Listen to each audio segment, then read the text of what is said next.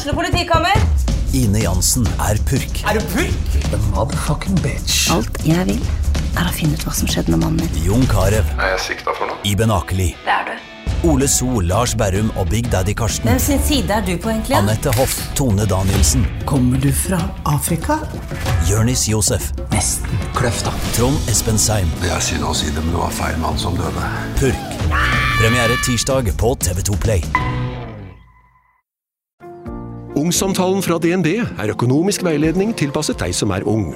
Bokk en ungsamtale på dnb.no. slash ung. Det er kjempebra hvis du skal inn på boligmarkedet, hvis det er drømmen din, liksom. Det er det du skulle sagt. Og så kunne du ropt litt mer, da, sånn som jeg gjorde. Bam! Det var nærme, sant? Ja, bare sånn Og så hvis du er sånn som Andrea, så kan du ikke puste inn i den mens Men puster hun ikke. Nei, Nei, jeg har bare lest på, jeg bare vært og lest på anmeldelser, Nei, og så står ja. det bare masse koselig, men også noen kritikk, og da tar vi det er det vi leser. Det er det vi Det er det vi får med oss. Hvor mange uh, hører og sånn har du? Er Nei, det vet vi ikke. Det vet vi ikke. Du vet ikke, er det Nei. liksom? Nei, det, det har jeg i hvert fall ikke kontroll på, om det er jente eller gutter. Men det er i hvert fall noen gutter òg. Ja, ja det er det. Mest jentefører. Ja. Ja, ja. Ok, nå starter vi.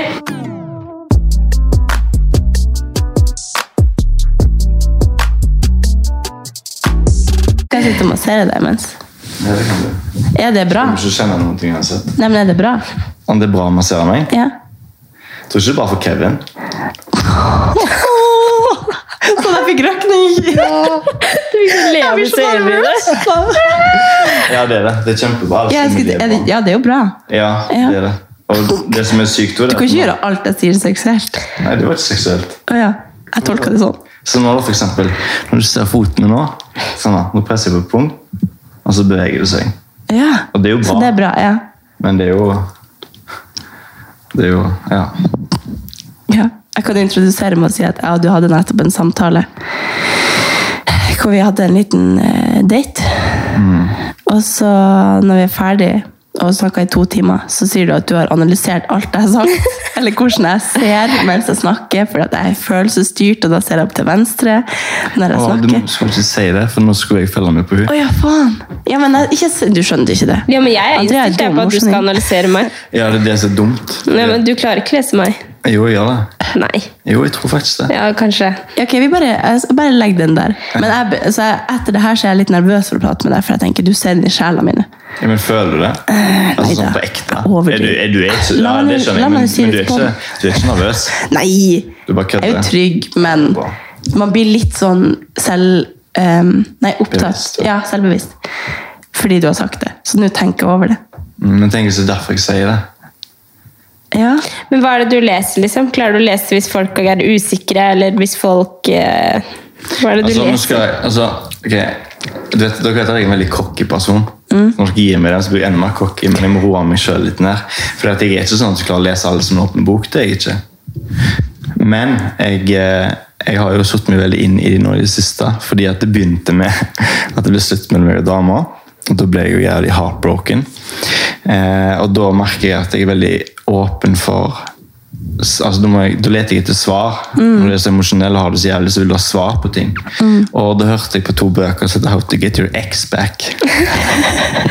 det begynte der. Ja. Og det som var så kult med de bøkene, der, det var egentlig bare det gikk liksom inn litt i psykologien og hva som skjer, kjem- kjemisk i bla, bla, bla, Ja. Eh, og det igjen fikk meg inn på andre ting, sånn som for eksempel How to get beautiful woman in bed. og alt sånt. Yeah. Altså, det, er bare sånn.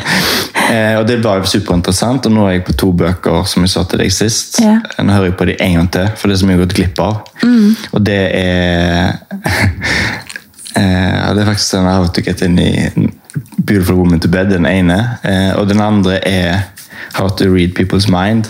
Det Var ikke den som var sånn How to manipulate people? Ja, det var den helt tidligere. yeah. How to manipulate anyone. Eh, og så var det en som eh, Hva var den igjen? Jo, Emotional Intelligent. Ja. Og How to blackmail et eller annet sånt.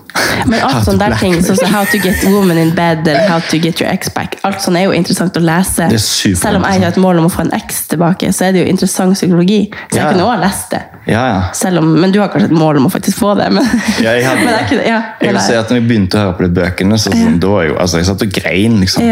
Første gang, altså, Fordi meg og hun bestemte oss for ikke å ha kontakt. Eh, og da Nei, det var den kvelden jeg fikk høre noe tøft, og da var det sånn at ok, nå vet jeg at jeg må ta avstand for å liksom hente meg inn.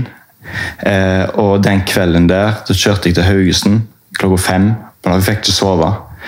Eh, for jeg hadde det så tøft. Og da hørte jeg på den How to Get Your Ex Back I lydbok, da. i lydboka Ja. i bilen, og da satt jeg og grein, og så sendte jeg sånn eh, video til kompisene mine. bare faen, det var liksom, hvordan jeg hadde det og sånt da. Ja. Når jeg blir så emosjonell, så er det sånn, da blir jeg veldig åpen. Ja. Og det tror jeg er en bra ting. Ja. Men det var når jeg sitter på dette, bare så er det sånn mm, Shit, da. Her var det mye følelser. Altså. ja, men det er jo bra også læring å se tilbake på hvis du har lagra de filmene. Ja, altså. Ja, ja, ja, det er skambra. Ja. For du får jo på en måte mye innsikt, da, og Ja. du blir veldig i kontakt med følelsene dine. på en måte. Og jeg, har, jeg føler bare den ti år etter ulykken min, så har jeg jo blitt altså, en skikkelig upgrade av at jeg, jeg drev med MMA. Og det er en veldig macho sport. Og I tillegg til at jeg alltid har vært en veldig cocky person med tanke på at jeg alltid sitter meg selv som en sånn Folk kaller det alfamail, men liksom sånn at uansett hva jeg gjør, så får jeg det til. Og det har jeg også forstått hvorfor. Helt siden jeg var liten, så har jeg alltid liksom Hvis jeg har vært, meldt meg på Hvis jeg var fotball, da, så var jeg alltid den beste. Hvis jeg spilte i basket, så var jeg best. Hvis jeg var med i løp, så vant jeg. Sånn, så det, da, får, da, det går det til hodet på deg. I tillegg til at du alltid hører det. Sånn, det var i Norges tøffeste, eksempel, så husker jeg når jeg kom inn der og så på de andre, så tenkte jeg Ingen her kommer til å slå meg. Nei. Det er sånn, Dette blir Du har gøy. sånn vinnerskalle. Sånn vinnerskalle, ja, men noe veldig sånn cocky. fordi hvis jeg taper, så har jeg en unnskyldning for meg selv hvorfor jeg tapte. Og det var sånn, for eksempel den ene konkurransen i Norges tøffeste. Det var en sånn der en, løypa. Og da leda jeg. Jeg lå fremst, men så dunka jeg hodet flere ganger i noen stolper. Jeg skulle over en stolpe, og så under i vann. da. Og så dunka jeg hodet, men så brydde jeg meg ikke. Jeg var så sliten. Og så når jeg kom opp på land, og så begynte jeg å sjangle, og så skulle jeg balansere, så klarte jeg det ikke. Så alle løp forbi meg. Og når jeg da tapte, så bare sånn, faen, jeg hadde jo knust alle, men da var jeg så dum og dunka meg selv, skjønner du? Ja. Og da var det liksom greit, jævla dum som er veien akkurat der. Hæ? Jeg føler at de som er selvsikre på seg sjøl, de kan ofte eh, tillegge liksom, ytre faktorer grunner til hvorfor de taper. Mens Ja. en usikker person sånn som meg eksempel, ville antatt at det her er min feil at det skjedde. på en måte. Ja. At jeg sier liksom at okay, det var fordi jeg var dårlig, ikke for at de rundt meg var bedre. Men du Ja, men kan er det jeg ser sier jo. Ja. Du sier at du sjøl er dårlig. Nei, vent litt. Nei, det var ikke det. Jeg mener at eh, Jo, det er, jo- jeg noe feil. Det er ikke fordi det er gjort noe bra. På en måte. Nei, ja. Fordi hadde, gjort det, hadde ikke det skjedd, så hadde jeg jo knust de. Ja. Skjønner du? Uansett. Så det som er etter ulykken, så har jeg jo på en måte gått gjennom alle disse tingene. altså Alt fra når jeg var liten lite barn som løp rundt naken og løpte Superman. liksom. Altså Jeg husker, jeg har alltid vært sånn eh, Hva skal jeg si? Jeg har vært en sånn macho. da. Altså Jeg husker som sagt når jeg var rundt fire-fem år, at til og med den tida der så følte jeg meg liksom bedre enn de andre. Og, og det er ganske sjukt. det er veldig sånn, jeg føler jo at Ut ifra at jeg har vunnet så mye og fått så mye skryt, så har det blitt en sånn power-paradoks. da. At jeg føler som jeg sier, at det er, ikke, det er ikke andre som vinner, det er jeg som gjør en dårlig jobb. på en måte. Og det er det det er motsatt av det jeg sa, egentlig. Ja, det er egentlig det. Ja, men da, det, er bare, det er bare en teori jeg sjøl har hatt. Fordi at jeg, eller, for samboeren min er ganske lik deg, tror jeg. Ja. Han er også sånn cocky og mener liksom På en bra måte. Ja. At han liksom har veldig trua på seg sjøl og har veldig vinnerskalle og tenker liksom at dette klarer jeg uansett. Og Hvis han jogger tur, for eksempel, og noen jogger forbi han, så skal han ta dem. Men så er jeg sånn, ok, bye. For, altså, Ja, ja, det jeg er ikke interessert. Nei. Nei. Men vi har bare helt forskjellig tankemåte. Og så har jeg tenkt sånn at når han hvis han da gjør noe dårlig, eller eh, noe skjer, eller hvis han skader seg, eller et eller annet, så er det liksom Det er ikke skade en annen ting, men det er liksom aldri at han sjøl har gjort det dårlig, da. At da er det på en måte noe ut, utenom som er på en måte faktoren til hvorfor det skjedde. Ja. Mens jeg er sånn Ja, men det var for at jeg var dårlig. At det Er er det liksom Hæ? Tenker du alltid det? Ja. Nei, ikke alltid. Det er jo Jo. Du òg? Nei, men hun gjør. Ja. Ja.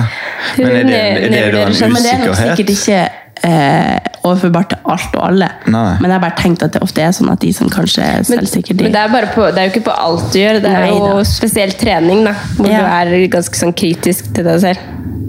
Ja, men hvis det er eksempel en eh, La oss si en eksamen, da. Så det er en selvsikker person som gjør det dårlig. Så tenker han sånn denne prøven var ikke rettferdig, de har laga en feil eksamen, de har ikke brukt de tingene som det skulle være. Mens jeg tenker sånn faen, jeg kunne ingenting. Ah, sånn, ja. Skjønner? Skjønner. Det er det jeg mener. Men det er ikke i alle settinger, da. Men hvordan er du, da? Om det- Ehm, ja, åssen er jeg? Jeg tror nok at jeg, jeg er en god blanding, kanskje. At jeg tenker Jeg kan veldig ofte tenke at uh, hvis, jeg, hvis jeg har en vinnerskalle, da, hvis jeg tenker at det her er, nå, er jeg, nå er jeg på god vei, nå gjør jeg det bra, nå føler jeg meg bra, sånn, sånn, sånn, så føler jeg at da kan jeg få til liksom, veldig mye bra. Men så er det også mange ganger hvor jeg har et behov for å være litt mer avslappa, og da chiller jeg litt mer. Men jeg tenker nok aldri at liksom noe av det jeg gjør, er sånn dritdårlig, på en måte. Nei. Men vi må ta det tilbake til Ja. i bilen når du hørte på podkasten og begynte å gråte. Hva var det du skulle da?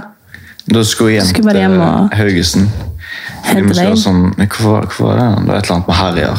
Ja.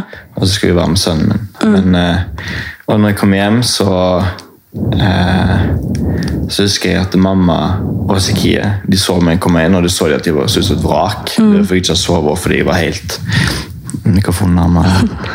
Fordi jeg var helt eh, Ja. Kjærlighetssorg og hadde det jævlig. Mm. Og da eh, sa jeg bare men jeg, jeg må bare legge meg ned. Jeg må sove jeg nå. For jeg har jo som sagt vært våken i fucking 24 timer. Og så ble de veldig bekymra. Og så fikk jeg eh, Subril og eh, sovemedisin. Og da bare ja, slukna jeg. da. Og da husker jeg at jeg satt og teksta til hun mens jeg var rusa, på en måte, på Subril. Og det er jo at du Hva er egentlig Subril? da? At du på en måte blir litt sånn flat. da. Ehm, Er ikke det en smertestillende? nei, eh, det er litt sånn Antidepressiva, eller? Ja. Å ja. Det Ja. er sånn som vi ga til gamlingene på sykehjemmet. Ja, for eksempel. Ja. Jeg trodde det var smertestillende, men det er kanskje for å, Ja, det det er for å liksom- sove. Nei, det er for, liksom, altså for du skal bli flat og ikke ha det helt jævlig. Oh, ja. ja. Kanskje det funker annerledes på de som er dement og Jeg vet ikke. Ja, kanskje jeg sa noe jeg ikke burde si. Vi bare kalte det sånn at de skulle sove. Nei, så eh, Ja. Jo, så husker jeg at jeg satt og teksta teksten min, da. Ja. Men jeg husker ikke hva jeg hadde sagt for dagen etterpå. så bare, faen, Ja. det er dette jeg har skrevet, liksom. Men, eh, men ja. Men vi må jo Nå har vi bare gått Ja, rett bare inn i materien. Jeg ble så stressa her. Jeg bare, okay. Vet, vet hvem vi har, folk hvem vi har på besøk, eller? Vi kan jeg vet ikke Det er sikkert veldig mange som vet hvem du er. De som hører på denne podden vet jo navnet ditt når de går inn på den, mest sannsynlig. Med mindre de hører på vår podd og ikke vet det. Men ehm, vi har jo hatt en episode etter vi hadde den treningsøkta rett etter ulykka hadde skjedd. Så Ja, hadde, vi jo den, ja, mm. så hadde vi jo en livepod med Sikie, som er søstera di. Så da gikk jo hun på en måte gjennom egentlig ganske mye av ulykka og hvem dere er. Og har du hørt på den? ja. Ja. Jeg hørte jo på han live, tror jeg. Ja, vi Ja, det snakka med deg Ja, live. stemmer. Mm. Du var på telefon hele veien. Ja, stemmer. Eh, og da gikk vi jo egentlig gjennom ganske mye eh, hva som har skjedd, og hvordan historien deres har vært. Men det er jo fra hennes synspunkt, da. Mm. Men eh, jeg vet ikke om vi burde starte litt med bare hvem du er. Ja. Mm, Så, bortsett fra ulykka. Det er ikke der lenger. Nå skal du få introdusere meg. Ah, nei, nei, du må gjøre det. Hvem jeg er? Hvem faen er jeg, da? Geir Kåre. Andrea kan si det. Ja, hvem du er. Du kan si navnet ditt, og Hvem er jeg? Geir Kåre Nyland heter Ja. du. Ja. Og du er 31 år, kommer fra Haugesund. Ja. Ja. Og jeg flytta til Oslo for å satse på MMA. Det var Ja. derfor jeg flytta fire år siden. Er det ikke lenger siden? Nei. Det er sjukt. jeg trodde det var lenger. Ja, Og målet ditt Du skulle egentlig, før ulykka, så skulle du dra til Sverige og Flytte til. Sverige? Skulle du ikke det? Ja, jeg skulle pendle til Sverige. Jeg skulle liksom ha Ja. fight camps i Sverige. da, fordi at eh, ja, Jeg var ikke god nok oppfølging her i Oslo. Og jeg tapte en kamp nettopp, og da var jeg superemosjonell. Mhm. Ja. Så da, da måtte jeg finne en løsning på det, for jeg følte ikke at det var godt nok for meg her. Ja. Så skulle jeg liksom pendle til Stockholm, og så skulle jeg komme hjem til damen min. Eksen min. Mhm. Ja. Eh, ja, det var egentlig planen. Og så skulle jeg på en måte Da hadde jeg nettopp fått kontrakt med en ganske bra organisasjon i Sverige, så liksom ting smilte. hvis skjønner. Det var mye bra som skjedde rundt den tida der. Men har du alltid trent kampsport? Ja, jeg begynte på judo da jeg var bitte liten. Og så ja. gikk jeg over på kickboksing. Eh, og så går jeg på boksing. Så jeg har liksom trent alt mulig kampsport. Jeg har alltid elsket kampsport. Ja. Har du hatt et forbilde innenfor sporten? Hæ? Et forbilde Forbilde? innenfor sporten? Eller noen du liksom Ja, altså Deg sjøl? Ja, meg sjøl. Jeg likte å se meg selv i speilet. Bare, fy faen. Ja. Nei, men, nei, men, Det vet men, men det har jeg tenkt mye på det med forbilder. og sånt. Og ja, jeg har hatt mange forbilder oppover, liksom. Men Ja. liksom, eh, kjente fightere som ingen her vet hvem er uansett, så jeg kan si masse navn. Men liksom Try me. Eh, Fedor Milinenko. Nei. Han var den første. Og så eneste George St. Pierre. Han er. UFC, du vet Ja. han er. Anderson Silva, og så gikk det opp på Conor McGregor og alle disse stjernene. da. Men det jeg har forstått, det er at det, mye av de stjernene og idolene en har, er litt sånn Misforstå meg rett når jeg sier det, men er litt en illusjon. Ja. For du ser suksessen deres, og så vil du sammenligne med dem, for du vil ha det som de har, men du er ikke de. Så jeg skjønner jo på en måte at det kan være et forbilde at du vil være det, men som jeg har forstått i ettertid, så er det jo mitt største forbilde er jo mamma. Altså sånn, fordi at eh, det hun har vært gjennom er ekte for meg, og folk rundt meg. Eh, men ja. Så jeg har liksom ikke Jeg har aldri sammenligna meg med andre fightere, egentlig. Nei. Sånn og sånn vil de bli. Jeg har alltid liksom tenkt ok, jeg vil lære det de kan og bli god, men aldri liksom sånn, jeg skal bli akkurat sånn som han. Nei. Og det tror jeg er en bra ting. For alle er forskjellige. forskjellige. Og så starta du et eget gym? Mm, kjærlighetssorg. Nei. Vi Ja, vi, kommer inn på det. Ja. Jeg prøver bare å få folk til sagt å det bli før kjent. meg og deg, så hadde jeg sittet med spørsmål. Ja, jeg meg, hva er det jeg fuck? har fått med meg? Men eh, Jeg starta med et eget gym fordi at vi ikke hadde plass å trene i Haugesund. Vi trente på et sånt bomberom. liksom. Alle Ja. fikk ringorm fordi at eh, kommunen bodde seg ikke med å vaske. Og vi gidder i hvert fall ikke å vaske, for vi tok jo ikke vi Er det det som heter staff infection? Staff infection. Ja. Ja. Eller da staff, og så har du sånn standard, og så har du ringorm. Å ja. men åpna du ikke Herjer før du flytta til Oslo? Jo. Jo. Så jeg åpna Det Når var der jeg ja. hoppa av nå. Ja. mm. Nei, altså, det er egentlig lang historie, det, da, men eh, jeg eh, åpna her egentlig for at vi skulle ha en plass å trene. Eh, og jeg tenkte ikke at den ideen skulle liksom, at jeg tjener penger på det, at det skulle bli noe stort. Eh, men eh, Ja, men så vokste jo som sagt ideen, for jeg så det var så mye Altså, Det var så mye oppmerksomhet rundt det. Plutselig hadde jeg nettopp hadde vunnet Norges tøffeste. Ja. Det var ikke nettopp. For Dette var i 2015, åpnet jeg, vant Norges tøffeste 2013. Men jeg brukte liksom det som reklame. da. Skjønner du? Ja, ja. Eh, så ja, så egentlig startet jeg ikke hatt peiling på Jeg husker når jeg startet her, så var det sånn Hvordan starte ut AS? Og så hadde nettopp DNB kommet ut med en bok. Hvordan starte AS? Og da var det sånn, ah, shit, Og nå er det sånn How to get beautiful women in bed. How to get beautiful neste. Ting har forandret seg from veldig, liksom. Så, men eh, ja, så da husker jeg den tida der. Å, fy faen, det var en tøff tid. Altså. For da var jeg fulltidspappa. altså Ja. Jeg var alenefar. Ja. Og så hadde jeg starta et treningssenter, og så eh, skulle jeg være idrettsutøver. Og alt er jo nesten fulltidsjobb. Ja, og spesielt med sånn vimsehode som meg. Så dere aner ikke hvor mange ganger jeg liksom stakk innom en bensinstasjon for å kjøpe bursdagsgave for han skulle i bursdag, så jeg Ja. glemte ut. liksom. Eller hun ringte bare 'Hei, hvor er, har du Emilio på vei?' Eller Og bare eh, 'Ja, hvor var det han skulle komme nå igjen?' Så det sånn, ja, det er jo han Andreas har bursdag, da. Og så er det sånn 'Ja, ja, ja'. ja. Ja, vi er på vei, bare Og det gjennom telefonen telefonist Andreas. Skjønner du? Så jeg hadde ingen kontroll. Nei. Jeg Men hvor gammel var du når du fikk han? Jeg var 17 år. Ja, shit. Og grunnen til at jeg fikk han var fordi jeg forelska meg i blondiner på kampsportsenteret. Så var datteren til treneren min så hun var blond og stor rumpe. Det var alt som skulle til. Og det var liksom sånn bom, bom, bom, bom, bom skjønner du? Og så ble det en kid, da. Eh, fy fader. Det er sykt å tenke på når vi snakker om det. Men eh, hvor var det vi var? Herjer. Herjer. Her, ja, ja. Eh, Hvor kommer navnet Herjer fra? Åh, det er jo en syk historie. Altså, Jeg har så mange historier, så jeg bare følger denne podden. Jeg kan bare, liksom. Ja, Men ok, jeg, så jeg skal pakke den her så godt jeg kan, for jeg er veldig dårlig til å fortelle korte historier. Men her gjør jeg egentlig fordi at når jeg var liten, så vokste jeg opp med en tsjetsjener som heter Abu Edelbev. Og meg og han hadde en drøm om å starte et treningssenter når vi blir eldre. Det har jeg faktisk hørt. Har du hørt denne historien? Eh, og det er en ganske syk historie, det òg. Eh, men eh, og med, jeg husker han, som han var fra Tsjetsjenia, da skulle han bli god i bryting, og jeg drev jo med kickboksing. Så da skulle vi liksom, det vi skulle da, vi skulle ha all mulig kampsport, men på den tida så fantes ikke MMA. Nei, stemmer. Ja. Men vi ville bare liksom kunne alt. Så egentlig så planla vi et MMA-senter på barneskolen. Å, Og liksom ja, ja. bli, bli beste fighterne. Ja. sant? Eh, og Han sa til meg at han ville at det skal være ulv som logo, og jeg ville at det skal være viking siden jeg er norsk. Og Grunnen til at han ville ha en ulv, var fordi at Tsjetsjenia ble undertrykt av Russland. Og det er på en måte alltid Og ulver representerer eh, altså macho. Altså De angriper selv om de vet at de taper, som Tsjetsjenia har gjort. De har aldri gitt seg mot Russland. Eh, og Det var veldig viktig for han at det var en ulv, og for meg så var det det med viking. sant? Vikinger er tøffe og alt det der der. Eh, og så Det som skjedde da, kjapt fram i tid, var at han flytta til Fredrikstad og ble hjernevaska og havna i IS, og døde i IS. Eh, og den tida der så var det veldig Jeg hadde mye kontakt med han på WhatsApp, og jeg ville ha han hjem igjen. sant? Jeg forsto ikke hvordan han kunne dra fra familie, venner og alt det der. Uansett, så når jeg starta Herja, da, så tok jeg kontakt med mange designere på mitt anbud. eller hva det Ja.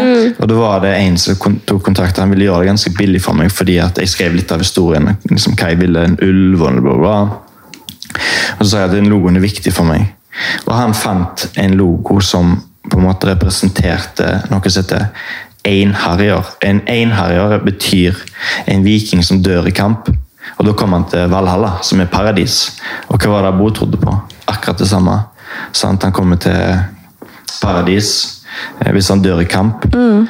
og gjør jihad. Eh, og da var det liksom den samme tingen der. da. I tillegg til det så var denne, den logoen som er på Harrier, er, eh, det er liksom tre rektangler sammen.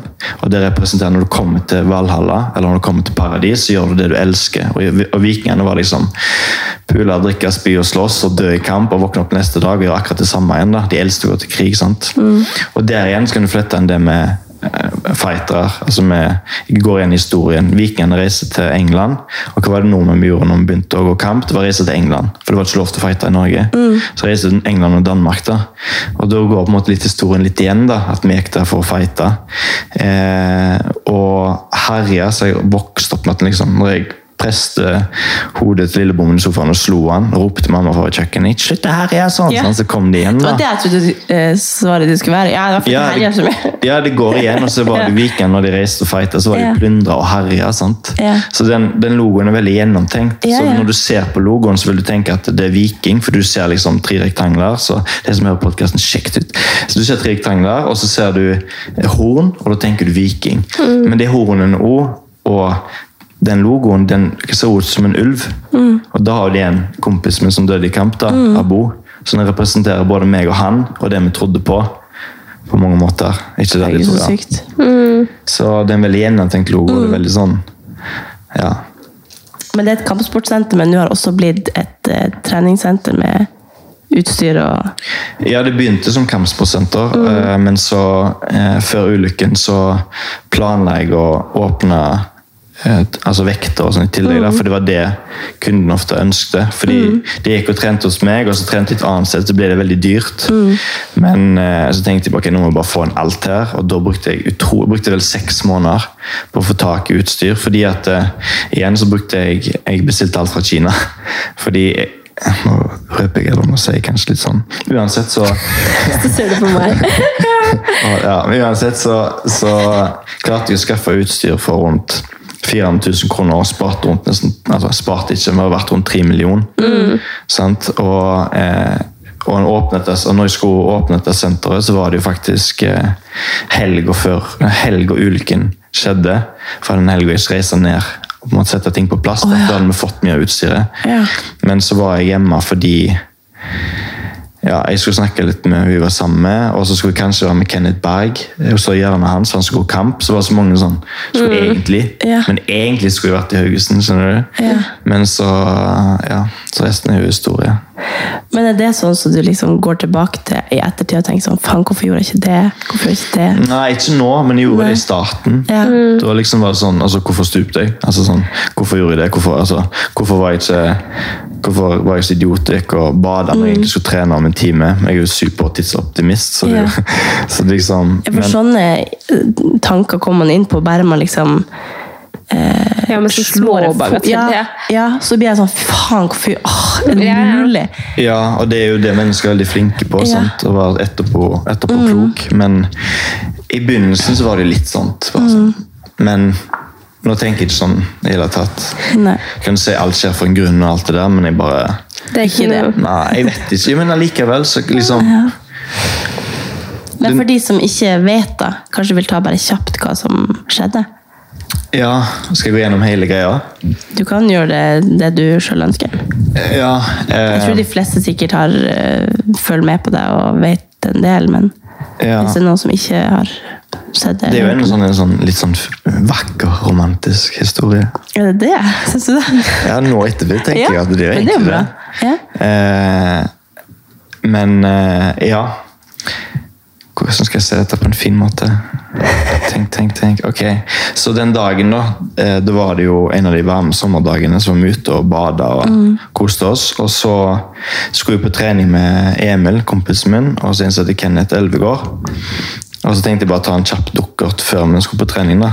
Som sagt, det var en time til trening, så jeg skjønte ikke hvordan jeg skulle få det til. Men, eh, men Og så dro vi mot eh, Munch brygge. Eh, og så husker jeg altså, jeg, slippe masse, jeg er veldig sånn på detaljer og sånn. så- Uansett så står jeg der på brygga og tenker sånn For jeg ser bort på Kenneth, for han nekter å bade. Og så tenker jeg, Hvis jeg hopper først, så kommer de andre etterpå. For du vet jo hvordan det er. sant? Hvis du lager litt show, som jeg alltid gjør, så blir Du skal ikke være sist uti, du heller. Så det, Nei, altså jeg er alltid først. Sånn Ja, alltid vært, sant? Men så ser jeg bort på Nora, som er kjæresten til Abbas, som er venninna. Som hun var der, så meg, Nora, Abbas og Kenneth og en som Ahmad. Så ser jeg bort på hun, og jeg husker jeg syntes hun var så søt, for hun sto liksom, liksom trippet med bein, og så, hun, så ser hun på meg, og så så hun veldig sånn engstelig ut.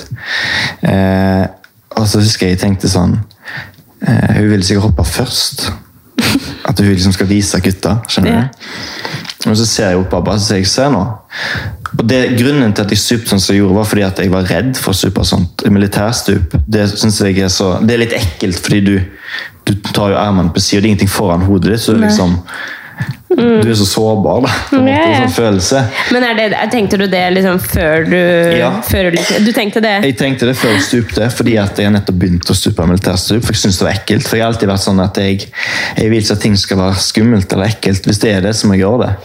Og det var en av grunnene til at jeg Ja. stupte sånt. Og det var litt høyt, så jeg tenkte bare ok, nå skal det var ganske høyt ned til vannet, var ikke det? Ja, jeg, jeg, vet ikke. To meter, kan man Ja. si. ja, det var ikke sånn bare ut på brygga, liksom. Nei. Nei. Og så sier jeg til Abba se nå. Og så tar jeg hendene på sida, og så stuper jeg. Og så blir alt helt kvitt. Og så var jeg inni hodet mitt, og dette høres veldig rart ut, men det var sånn jeg opplevde det. Og så var jeg inni hodet mitt og snakket med meg selv og bare sånn Shit, jeg er død, jeg.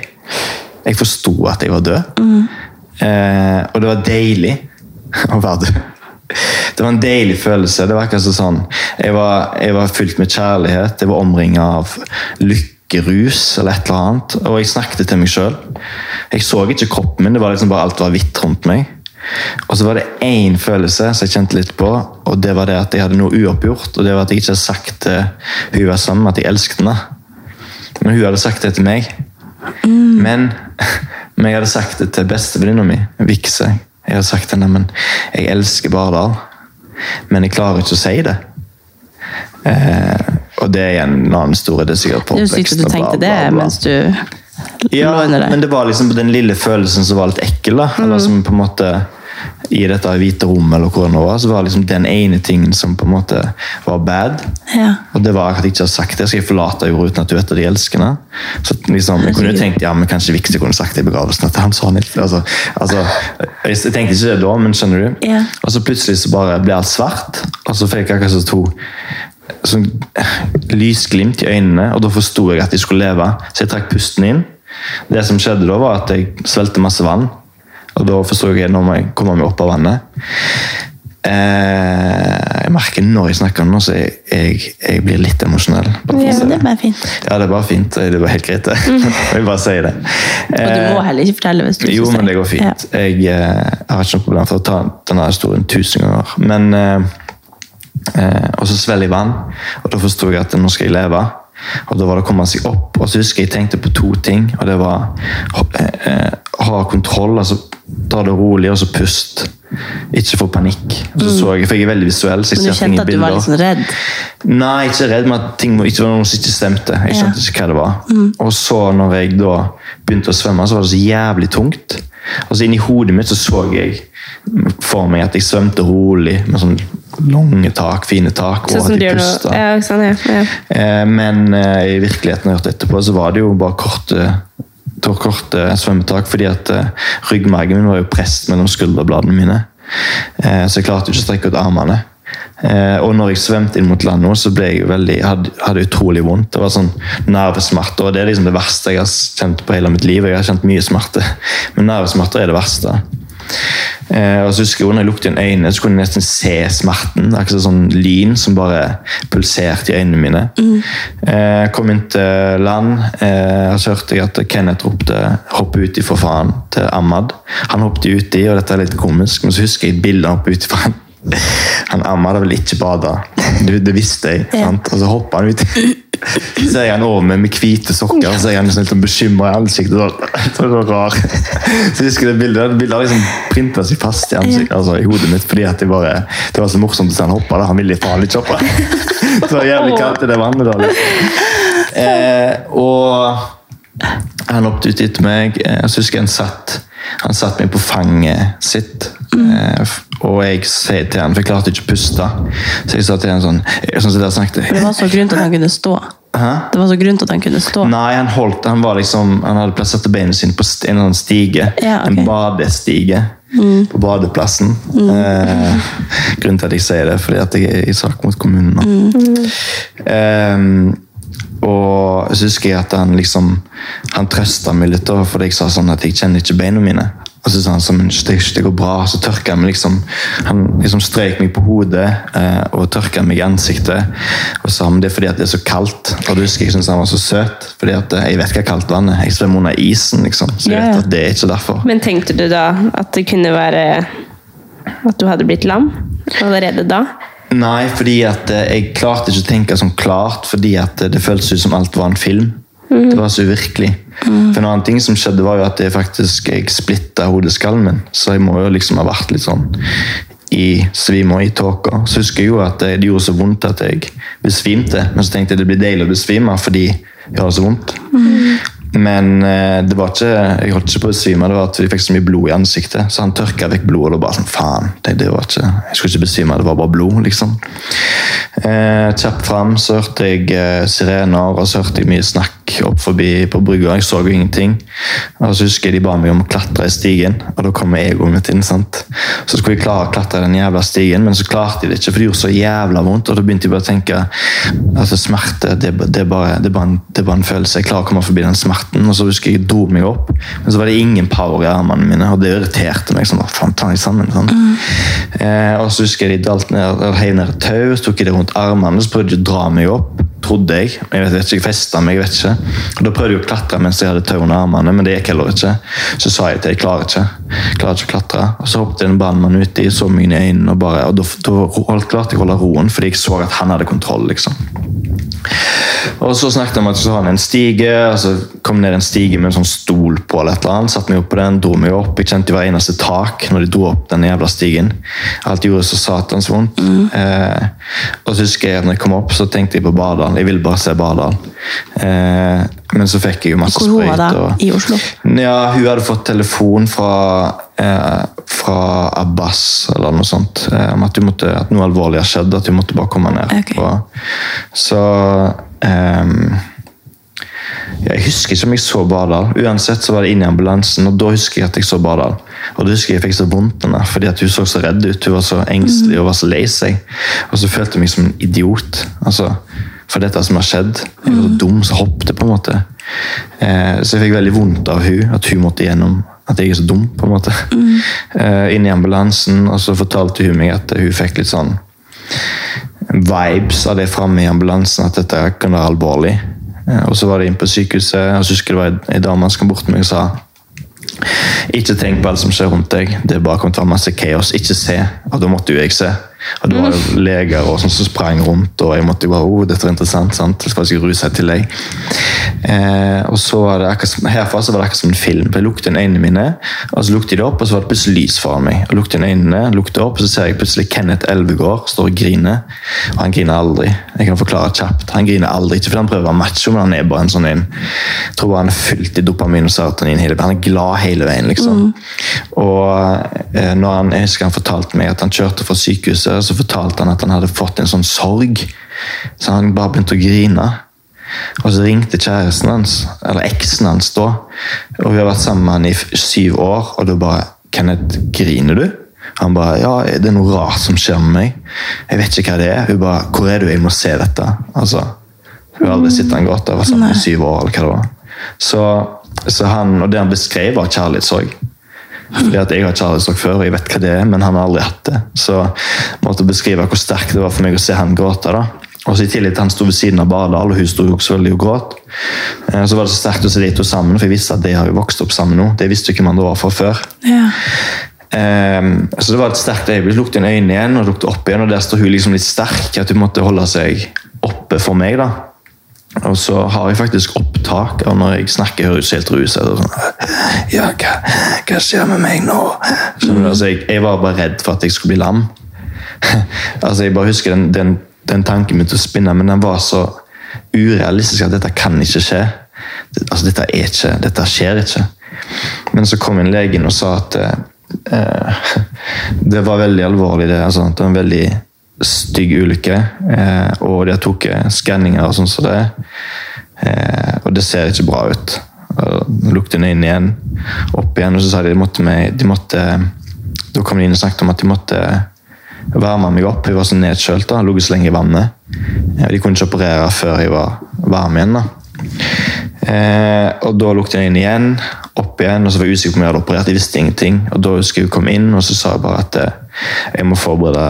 Jeg må forberede meg på at jeg kom til å være lam resten av livet. Men de visste, altså. Alt kan skje fordi at eh, hjernen og ryggmargen er så plastisk og bla, bla, bla. Så sa jeg at de var komplett, og for meg var, hørtes komplett kjempebra ut. Det høres bedre ut enn inkomplett. Men når du er komplett skada, så er det på en måte, da har du på en måte fått dommen din. da. Men så var det noe Så det kunne de se med en gang. ja, for den var så stygg, det bruddet. Ja. Eh, for den der eh, eh, ryggmargen var jo slått ut mellom skulderbladene. Det var veldig stygt, på en måte. Så jeg kunne se på ryggmarg, ryggmargen min at den var ødelagt. da. Men sa de noe om liksom at det bruddet burde vært styggere, på en måte? Eller at du burde vært lam lenger opp? Eller sa de Nei, fordi jeg ble lam fra eh, noe som heter T4. Det vil si det er liksom ryggmargen fra brystet og ned. Eh, og det de sa igjen der, var at de aldri har sett For nå jeg kom jeg på hva de tenkte på.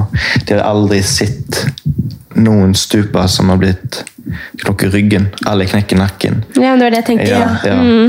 Og jo lenger opp du kommer, jo mer alvorlig er det. Eh, du mister jo, altså sånn, Hvis du kommer opp til nakken, så kan du miste pustefunksjon, f.eks. Så det var veldig spesielt at jeg var så heldig og knakk ryggen Men tror du, tror du ikke det har noe med eh, at du var såpass godt bygd, da? Jeg, jeg tror Teorien min er egentlig at eh, jeg har trent kampsport siden jeg var liten. Og vi har alltid liksom Dere ruller jo, står jo på hodet nesten. Ja, vi står på hodet og Ja. styrker nakken. og Det er bare med for reflekser. da. Ja. Hvis noen tar tak i nakken, så vil du automatisk stramme den. Men hvis noen tar tak i nakken din, så vil du hodet følge. Ja. Vil ikke dra deg ned, liksom. En annen ting er at jeg stupte militærstup, og da, har jeg, da er du stiv. sant? Men hvis du stuper med armene foran deg, så kan du ofte se litt oppover. Så ser dere for dere. Så da vil du kanskje treffe pannen, eller da vil du kanskje få knekt nakken. da. Altså, jeg vet ikke. Så sånn sett så kan det ha vært positivt at du kjørte militærstup, da. Ja, egentlig så tror jeg det. Eh, så det var, det var positivt at jeg kjørte militærstup. Tror jeg. Føler det. Men du har arr på hodet. Ja, jeg har det veldig stygt, for som sagt, hjernen ble jo Eller ikke hjernen, skallen fikk jo en knekk. Og det jo reagerte de på. Så hun fant de eh, skader i nakken. Eller det var noen bilder fra nakken, så var det et brudd fra tidligere. Nei, Ja. Ja. så sjukt. Ja, men det, var, det visste jeg jo, det var en prolaps i nakken jeg har fått fra brytetrening. For det var en periode der jeg kom til Oslo, så var jeg jo helt kanin. Både med damer og med trening. Bare for å skyte den det. Og da var det jo eh, Da trente jeg så mye at jeg bare altså, ja, Jeg fikk prolaps i nakken. Så det var det som jeg sto opp så var det sånn ah, Det er litt vondt i nakken, men det går bra så lenge jeg blir varm. Så skjønner du, og så fikk jeg en prolaps. da. Da hadde jeg så lyst til å si noe artig, men jeg kan ikke ikke si sier artig, du? Nei, jeg kan ikke si det. Okay. Lov han? Ja. Takk. Den, den andre type treninga gjorde også mye at du fikk prolaps i nakken. Det kunne vært mye hodeslenging. så det var Mye bevegelse. Nei, men det er jo Jeg husker jo følelsen vi hadde når vi liksom Eller jeg hadde, når jeg så det. At man blir jo helt sånn Det går ikke an. Man nekter liksom å tro på det. Altså, jeg skjønner hva du mener med liksom, at Kenneth hadde kjærlighetssorg. Ja. Jeg føler også at jeg kjente på en sånn skikkelig sorg når jeg fikk høre det. Ja. Så det er ganske Men er det fordi at eh, jeg Dere har sett at jeg har vært en sånn person som på en måte er oppå hendene, eller at jeg har hatt så mye energi og liksom alltid Ja. bevegelse. For når- jeg, sånn som jeg opplevde det, mange har fortalt meg, at det, eh, at det har vært så tøft med meg fordi at eh, de ser at livet mitt har vært bevegelse. Ja. på en måte. Jeg tror, også, jeg tror det, og så tror jeg også bare det, den personen du er. Altså, du er bare så eh, genuint interessert i alle, da. Og vil Ja. alle eh, alltid det beste. At det var, det var bare så urettferdig liksom, at det skulle skje med deg. Ja. Jeg tror det bare var en blanding av det. Og så er det jo selvfølgelig ekstra sterkt fordi at uh, Det var jo sånn som vi snakka om i poden med Sikio, at uh, det er en ting hvis det er liksom en person som ikke bruker kroppen til vanlig. Ikke at de fortjener det mer, men Nei, nei, det bare ble så veldig urettferdig fordi det er livet ditt, sånn, det, sånn utad for oss, at du bruker kroppen din. At det bare Da blir det bare sånn Ok, hva skjer nå, egentlig? At det blir bare så, så sterkt at du bare Ja. Hadde det vært noen som slapper av hele dagen og ikke trener, og liksom, så er det jo én ting, men du klatrer i trærne i stedet for å gå på bakken, liksom. Så Ja. ja, veldig spesielt ja. å oppleve at det skjedde med deg. Men fremover, da? Nå? Nå er jo Du trener jo masse fortsatt. Ja, det er ikke det samme. Jeg savner å slå folk i trynet. ja. Eller bli slått. Det kan du fortsatt gjøre. Egentlig bare knikker meg inntil mannfolk som svetter. Det savner jeg veldig. Men det kan du fortsatt gjøre. Bare få dem til å sette seg på fanget ditt. Ja, det kan jeg gjøre, faktisk. Men altså, eh, altså, før ulykka skjedde, så handla jo livet ditt veldig mye om kampsport og, og hvordan, hvordan er liksom forholdet ditt til det nå? Har du tatt litt avstand fra det, eller har du, er du fortsatt like Jeg har inni lyst til å si så mange ting, men det ene første er jo at i begynnelsen så var det jo eh, Da var det helt jævlig å se at folk sto og slo på sekk, eller at folk trente og Ble du bitter, bitter, på en måte? Eller? Ja, som perioder, men så var mamma sa til meg at jeg ikke må bli bitter, for det er liksom Det, det går bare utover meg sjøl. Mm. åh, Dere. det var deilig lyd. Men uh, Ja, jeg merker nå at jeg har tatt mye avstand fra det. Men så har jeg òg En ting som jeg har lært, er at uh, når en driver med noe, så er det verden.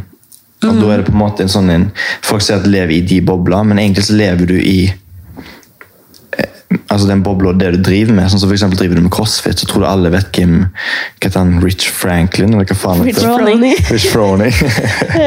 ja. men skjønner du? Ja, ja, ja. og da på en måte, Her vet du ikke hvem Rich Froning er. Ja. Er sånn, sånn er det jo for meg òg. Og det, det er på en måte, jeg vet ikke om det er en forsvarsmekanisme, men jeg henger litt fast at det finnes større ting enn MMA. Mm. Selv om på en måte det har vært mitt hjerte nær, er jo bevegelse og altså, alt med kampsport. Jeg elsker det. Men, men så ser jeg også, dette er litt morsomt å si, men så ser jeg også når jeg ser på kompisene mine nå Du bare, herregud, dere, dere skulle bare visst. Herregud, som til det. Nei, men liksom sånn At livet handler om mye mer? Ja, ikke bare det, men jeg ser det så tydelig. Et eksempel, da. At Du har vært og trent eller står flex i shorts og svett og merker. og Jeg lager alltid bilder hvis jeg har fått et kutt. Jeg var så stolt av det. Yeah. Men jeg, jeg, jeg, ser, jeg ser det så tydelig. på en måte, Det, det er litt morsomt å se det liksom fra, litt sånn fra utsida, Ja, når sånn, jeg egentlig er sånn sjøl. Ja. Eh, men så er det som du sier, det er, det er noe større der ute enn på en måte bare bare hobbyen din. Mm, men det er, jo, det er jo på en måte det man, man er oppi, da, som ofte det, jo, det gjelder jo alt i livet. På en måte Det man er oppi, er det som gjelder. Da. Så, Mm. Ja, ja. Og sånn som når man er oppi, oppi det og satser på MMA eller kampsport eller whatsoever, så er det jo det som betyr mest, ikke sant? Mm. Men Ja, det skjønner jeg. Fordi sånn var det jo for meg òg. Sånn er det jo. Jeg er sikker på Hadde jeg kunnet gått igjen i morgen, så hadde det nok vært det samme. Hadde jeg gått godt MMA igjen. Men jeg tror jeg hadde det gjort på en litt annen måte.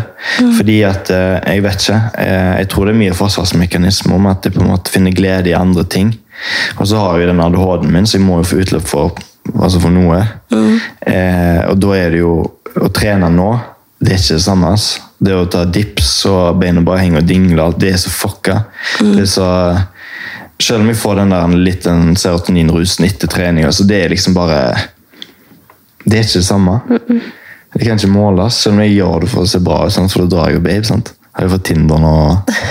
Men det, er det derfor du trener? det? Nei, det er ikke derfor. Grunnen til at jeg trener, er fordi at jeg eh, vil at kroppen skal være optimal. Ja. Og det er det jeg tenker, Hvis kroppen min skal helbrede seg selv, så må han være optimal. Det Ja. ikke med Coco Puffs og melk. Åh, det du er skjønner godt ut. jeg vet det derfor. Ukens annonsør er Hello Fresh, og Hello Fresh er verdensledende matkastleverandør. Oi, vent, magen min rumler. Oi. Jeg blir så sulten av Altså, det Hello Fresh er så digg. Det har ikke vært en eneste uke der det ikke har vært digg mat. Jeg skjønner ikke hvordan jeg skal klare å kopiere oppskriften etterpå, fordi de har så mange smarte sånn krydder som alle har hørt om, og det er liksom Det er helt enormt gode oppskrifter hver uke. Og man kan velge mellom 25 ulike.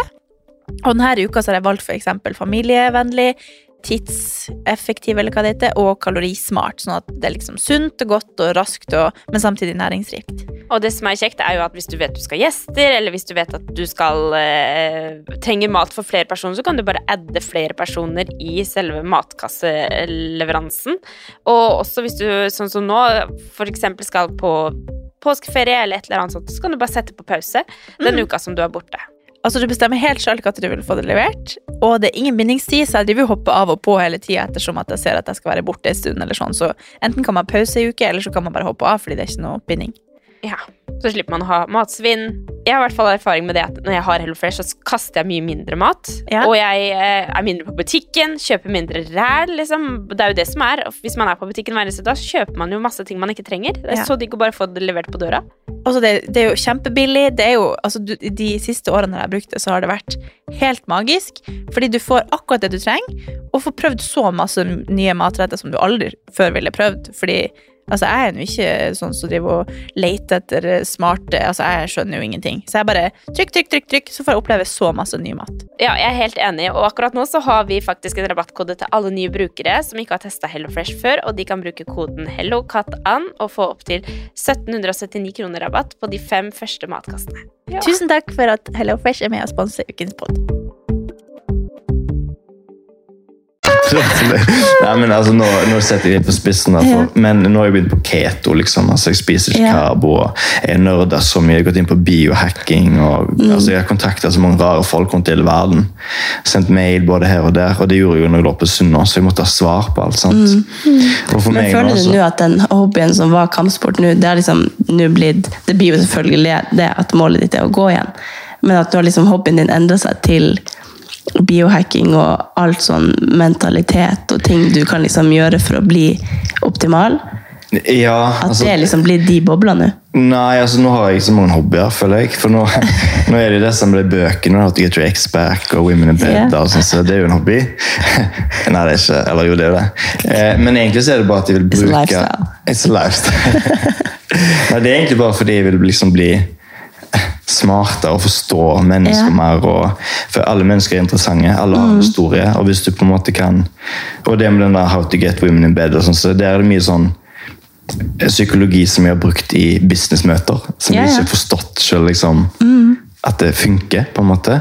Eh, så nå driver jeg jo både med Jeg holder på å lage en app, og så skal vi lage en nettside på noe. Jeg vil ikke røpe ennå, men eh, Så jeg har så mange baller i lufta som på en måte, det som er interessant. da. Mm. Og så har jeg jo blitt med en kompis av meg som driver noe som heter Mash Universe. og De har jo masse, de har jo restauranter, de har treningssenter, de har, de har så mye greier. da. Så Så det er kanskje, altså, og det, Jeg har lyst til å være med på det. Jeg har lyst til å, bli, jeg har lyst til å få lære business, jeg har lyst til å tjene penger. Eh, ikke fordi det skal kjøre rundt i en Ferrari, men jeg vet at penger kan gi deg en frihet. Mm. Eh, og det vil jeg ha. Så vil jeg òg at det, mine nærmeste også skal ha den friheten. Mm. Eh, jeg vil kjøpe mamma en sauna som hun kan sitte ute om vinteren. Yeah. Altså, det er så mange sånne Mm. små mål. da, Så jeg vil liksom gi tilbake til folk jeg er glad i. Mm. Eh, og Men det gjør du uansett. Ja, det gjør jeg uansett, men jeg vet også at jeg har Jeg vet at jeg Penger gjør det lettere. Penger gjør ting lettere, fordi jeg har vokst opp eh, med at familien har lite penger. Selv om jeg aldri har følt på det, så har jeg forstått når jeg er blitt eldre. Ja, ja. som. Mamma sa aldri til oss når vi var små. at For eksempel, sa, jeg vil ha Nintendo 64, så sa ikke hun da har vi ikke råd til det. Så bare, ja, men da må vi spare. Ja. Mm. Og det har vært en kjempebra ting. da, men, men jeg vet ikke, jeg har bare litt lyst til å tjene penger, fordi den dagen jeg er oppe og går igjen nå, eh, for det kommer til å skje, så vil jeg ha en frihet. Ikke at jeg må stå opp klokka ni og være på jobb til klokka fem. Jeg vil, ikke, jeg vil ikke det. Jeg vil liksom bare, jeg vil bare leve. Men er du, har du fått en sånn at livet er for kort? Liksom? Mentalitet? Nei, egentlig så har jeg tenkt at livet er langt. Eh, jeg tror at livet er kort hvis du har et kjedelig liv. Jeg tror livet er langt hvis du har et, eh, du har et eh, innholdsrikt liv. Og en måte å forklare det på som jeg har tenkt mye på, er at hvis du står opp en dag og så legger deg i sofaen og spiller Candy Crush på mobilen og ser på Netflix, og så sender du et par mailer og så legger du deg igjen, så har det vært en sånn Hva gjorde du i går? Mm, ja, du husker liksom den dagen som det var lite du gjorde. Ja. Men hvis du da står opp en dag, sender de jævla mailene, går på trening, går på en lunsj med GK og snakker om psykologi, Ja. og så er du på et eller annet møte, og bla, bla, bla, så tenker du en uke bare Fy faen, jeg fikk gjort mye. Og så skjønner du hva jeg mener da. Og det er på en måte, Jeg tror sånn er livet. Jeg tror at eh, livet er kort hvis du har et kjedelig liv. Og hvis du da føler på at du som hører dette, her, så tenker bare at det kanskje skal forandre litt på det livet ditt. da. For du, er jo- du er selv ansvarlig på hvordan livet ditt skal være. Og det er veldig bra sånn, For meg nå, da, som er i den jævla stolen, så er det egentlig den følelsen jeg har, at livet er jævlig langt. Det er flere kapitler. på en måte. Men føler du Eh, at alt det her er noe ulykka lærte deg? Som du er liksom glad for? sånn sett at Ja, som jeg Du forklarte til deg, at jeg har fått mer oversikt. Og det er fordi at jeg alltid levde et fast life, som jeg har kalt det. Ja. Mye pga. ADHD-en. Og når jeg, sånn som Emil sa til meg, at etter treningene så må du hjem og slappe av, for vi skal inn til trening senere. Så kom jeg hjem, satte meg i sofaen, stekket på mobilen og så bare sånn, blitt nettopp venn med noen på Instagram. Så bare Oi, det er i parken. Eh, kan jeg joine dere? Som ikke kjente Ja, ja. personen. Og det er en grunn til at jeg har stort nettverk òg, fordi jeg har liksom bare trengt meg på. Ja. altså, men jeg klarte aldri å sitte i ro. Eh, så han kjøpte jo til husker han, han kjøpte til Han kjøpte bare for å spore på noe annet først til eh, Pornhub som premium. Fordi at han mente at de var Emil kjøpte det til deg? Han kjøpte det til jul til meg fordi at jeg Fordi at, fordi at jeg klarte Det ønsker jeg altså. meg aldri. Ja, Han kjøpte det fordi han mente at jeg alltid kom litt sent på trening. Det var fordi at jeg sant, rett hjem, slappe av, kanskje en Tinder-match. Ja. Skjønner du? Kanin, hjem, trening. Altså, skjønner du? Så liksom, jeg hadde veldig sånn fast life. da. Eh, Så han mente at porno var bedre, for da ble du jeg tenkte at hvis du bare tar en runk, Ja. og så kan du slappe av sant? istedenfor å liksom chase chicks og alt det der. Ja, ja. Eh, eh, men jeg brukte aldri porno premium, faktisk. Nei, jeg vet ikke hva det, Det var de pengene. Det var de pengene, faktisk. Så jeg brukte Tinder. Det var liksom, det var kjekkere. Du runka til Tinder? Nei, jeg runka ikke til Tinder, men jeg måtte liksom Jeg skal gå på detaljer hvis du vil det. Nei, det Men uansett, så, så Nå spurte vi av. Hva, hva var det vi var? Hva var det jeg var? Um, Nei, den sporinga er greit, det. Jeg, altså, jeg spurte jo om livet var for kort. Eller Ja. sånn. Men Jo, Fast Life. Det var det vi var på. Og det er at eh, havna i Pornhub og klarte ikke å komme oss tilbake. ja, men, Så Fast Life, som så forklarte det til deg Jeg liker liksom for å se jeg ting. du for sa meg det så bra, at du har på en måte eh, skyndt deg gjennom livet for at du, skal, du har så mye energi, og så ble du på en måte bremsa litt. Ja, og det var det som skjedde med ulykken. Det bremsa meg. Så så for meg at du sitter, eller Jeg pleier alltid å lage bilder, jeg er veldig visuell, så jeg så for meg måtte forklare det for meg selv. Jeg sitter i en bil, så kjører jeg 200, jeg ser ut vinduet, og vi kjører forbi naturen. Jeg ser at det er trær, kanskje jeg ser en fugl. Men nå Nå er plutselig livet mitt i 30 km i timen. Når jeg ser ut vinduet nå, så ser jeg trærne. Jeg ser kanskje hva fugl jeg ser blomstene. altså skjønner Mhm. du? Så jeg på en måte har fått mer oversikt over livet mitt. Veldig bra metafor. Det er helt sykt. Ja, metafor det er alltid det ordet jeg glemmer. Oh, ja. Men ja. Nei, jeg bare Men tror du, tror du at det, grunnen til at du har hatt det sånn så fast life tidligere, er- det er jo selvfølgelig pga. at du har mye energi, men tror du også det er fordi at du har hatt en uro inni det? Jeg tror det er fordi at jeg eh, har en uro inni meg, men òg en sånn form for stimuli. For Du blir avhengig av på en måte å få flere, mer og mer stimuli, og spesielt skal jeg skylde på ADHD, for det er jo mye personlighet. også, Og det lærte jeg jo av hun vi var sammen for hun var psykolog. Så lærte hun at det, det er jo ikke bare ADHD, det er personligheten din. liksom. Men det var fordi at jeg ville gjøre mye i løpet av en dag, og jeg klarte ikke å la ting være. Så hvis jeg så dere var hadde kjekt i parken, så ville jeg helst være der. Jeg ville helst være og svømme, jeg ville være alle stedene på ett sted. Jeg husker Ofte vi var en gang i Tøyenparken og trente, og så bare kom du bort i fem minutter, og så måtte du gå igjen. Ja, det sa du. Ja, Det det var liksom fordi skulle noe annet gøy i tillegg, så måtte Ja, bare stikke innom bare si hei, altså. måtte bare si hei. Men, og, men det er så rart, for at jeg husker at jeg har vært sånn selv, men ikke, ikke sånn i nærheten av hvordan du har vært, men mer sånn Jeg husker at jeg alltid, hvis jeg var ferdig på jobb klokka åtte, da, så ble jeg stressa, for da måtte jeg ha planer etter jeg var ferdig. For det måtte liksom alltid skje noe. da. Mm. For meg så var det liksom pain å dra hjem og slappe av og ikke gjøre noe. Da, Mm. jeg må i hvert fall gjøre noe fram til ti, liksom, for det er Ja. da man skal hjem og legge seg. Mm. Så, men eh, Det er en form for stimuli, tror jeg. Og så tror jeg at når jeg altså, altså, Jeg kan gå i dybden i mange ting, men det er egentlig fordi at jeg har kommet til Oslo. Og Oslo er stort for meg. Altså, Jeg kommer fra Haugesund. Der det, du kjenner alle, og alle vet hvem alle er, og du, alle vet hva du har gjort før du har gjort det. Og, og så kom jeg til Oslo var nøytral. Og jeg har følt jeg kunne vokse på så mye. og Her var det som om muligheter, og jeg ville liksom gripe alle mulighetene. Eh, så Mye pga. det så tror jeg at oppveksten har gjort at jeg har hatt mye sånn hatt mye sånn dårlig samvittighet for ikke å hjulpet folk. og familien, altså Hele familien var rundt i, altså i Haugesund, alle bor i Haugesund. Eh, og når jeg på en måte endelig flytta til Oslo, da, så var jeg på en måte fri. Da var det ingen som kunne be meg om å gjøre det. eller, og Hvis jeg ikke gjorde det, så gikk jeg rundt med dårlig samvittighet. Så jeg tror alt henger litt sånn sammen der. Eh, så i, i løpet av livet mitt så er det disse fire årene jeg på en måte har følt meg veldig fri. da i forhold til tidligere. Og det er jo ikke lenge, fire år. Jeg er 31 år nå, liksom. Så jeg tror nok det er jo en ting. Men så liker jeg å beskrive det sånt, med en sånn metafor. Jeg liker det ordet der, for jeg glemmer det alltid. jo. Men det at jeg, du vet, livet mitt har vært veldig sånn berg-og-dal-bane. Og med jeg selv er berg-og-dal-bane. Følelsene mine er berg-og-dal-bane. Når jeg er glad, så er jeg jævlig glad. Når jeg er lei meg, så er det liksom, da er verden, da er livet over. Eh, og sånn er følelsene mine. Opp og ned, berg-og-dal-bane. Men sånn er livet mitt òg. Jeg må liksom hele veien ha stimuli. Jeg må være der, jeg må være her, jeg må få gjort tusen ting i løpet av en dag. Men så elsker jeg jo berg-og-dal-bane. Det er jo så gøy. Det er dritkult å ta berg-og-dal-bane. Så sånn er på en måte jeg, da. Eh, og det har vært veldig utfordring nå, når jeg er i stol. Fordi at da får jeg ikke samme, samme fart. Så når vi bruker Jeg tenker Det er jo ganske eh, interessant egentlig at du har liksom Ikke interessant, det er ikke noe kult, men at du liksom Nå er du lam og sitter i rullestol med ADHD. Eller sånn, Det er jo ganske jævlig. Mot, ja, Det er at helt jævlig. At det er jo en ekstra faktor som faktisk er ekstra utfordrende, sikkert. Ja, ja, jeg er så utålmodig, og så har jeg blitt så tålmodig. og det er liksom... Men tror du ikke det har vært bra for deg å bli tålmodig? Jo, men det beste som har skjedd meg, er egoknekken. For jeg har hatt så jævlig mye ego. altså, jeg har... Men det er jo, du har jo hatt det Ja, på en bra måte. Ja, Ja, men, ja, som dere kjenner, er ja. Men jeg, som jeg har sagt, jeg, har jo ganske mange mørke sider. Ja, de har aldri sett. Hæ? De har aldri sett. Nei, men jeg husker eksempel, meg og deg hadde en samtale i Andrea, vi hadde en samtale i bussen. Og da snakket vi litt om damer. Og det var liksom kjærlighet, og vi var sammen. Det var vanskelig for meg. Og, fordi Og den husker jeg veldig godt fordi du var litt sjokk av at jeg sa at jeg var, hadde vært kanin. Og det var ikke Du hadde sett for deg det, for du så bare for meg den snille GK. Men jeg har vært en, som jeg sa til deg òg, altså Ja. det er mørke siden som jeg ikke tør å si engang. Eh, ja. Fordi du jobber med å skrive ei bok, var det det du sa?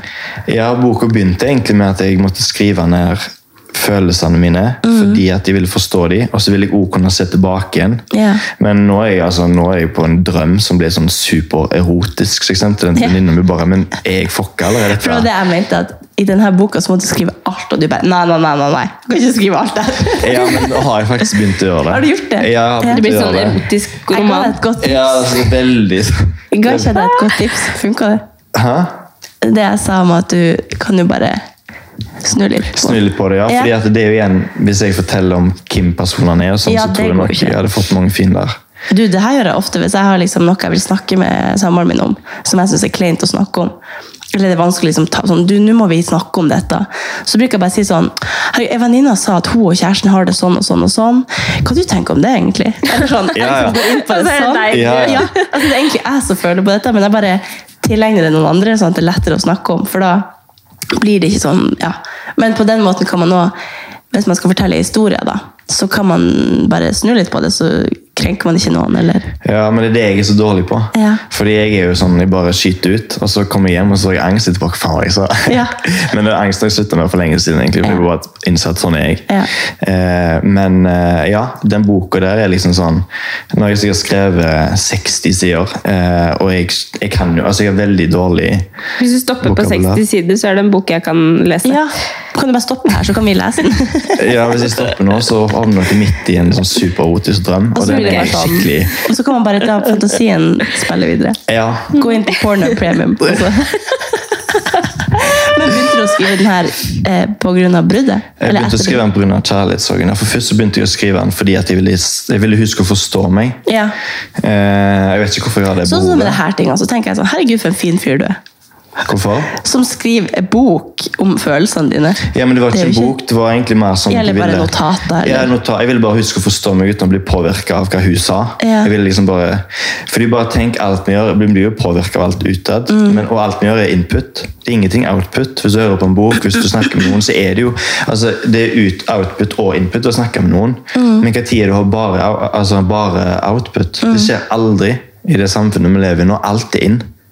Sant? Til og med du skal slappe av, sitte sitter du og ser på Netflix eller sitter og ser på altså, Skjønner du? Mm. Og da følte jeg bare det å skrive, og jeg er jævla dårlig på å skrive, det kan jeg si. Jeg er skikkelig dårlig på å skrive, fordi jeg har så dårlig vokabulær. er det dette?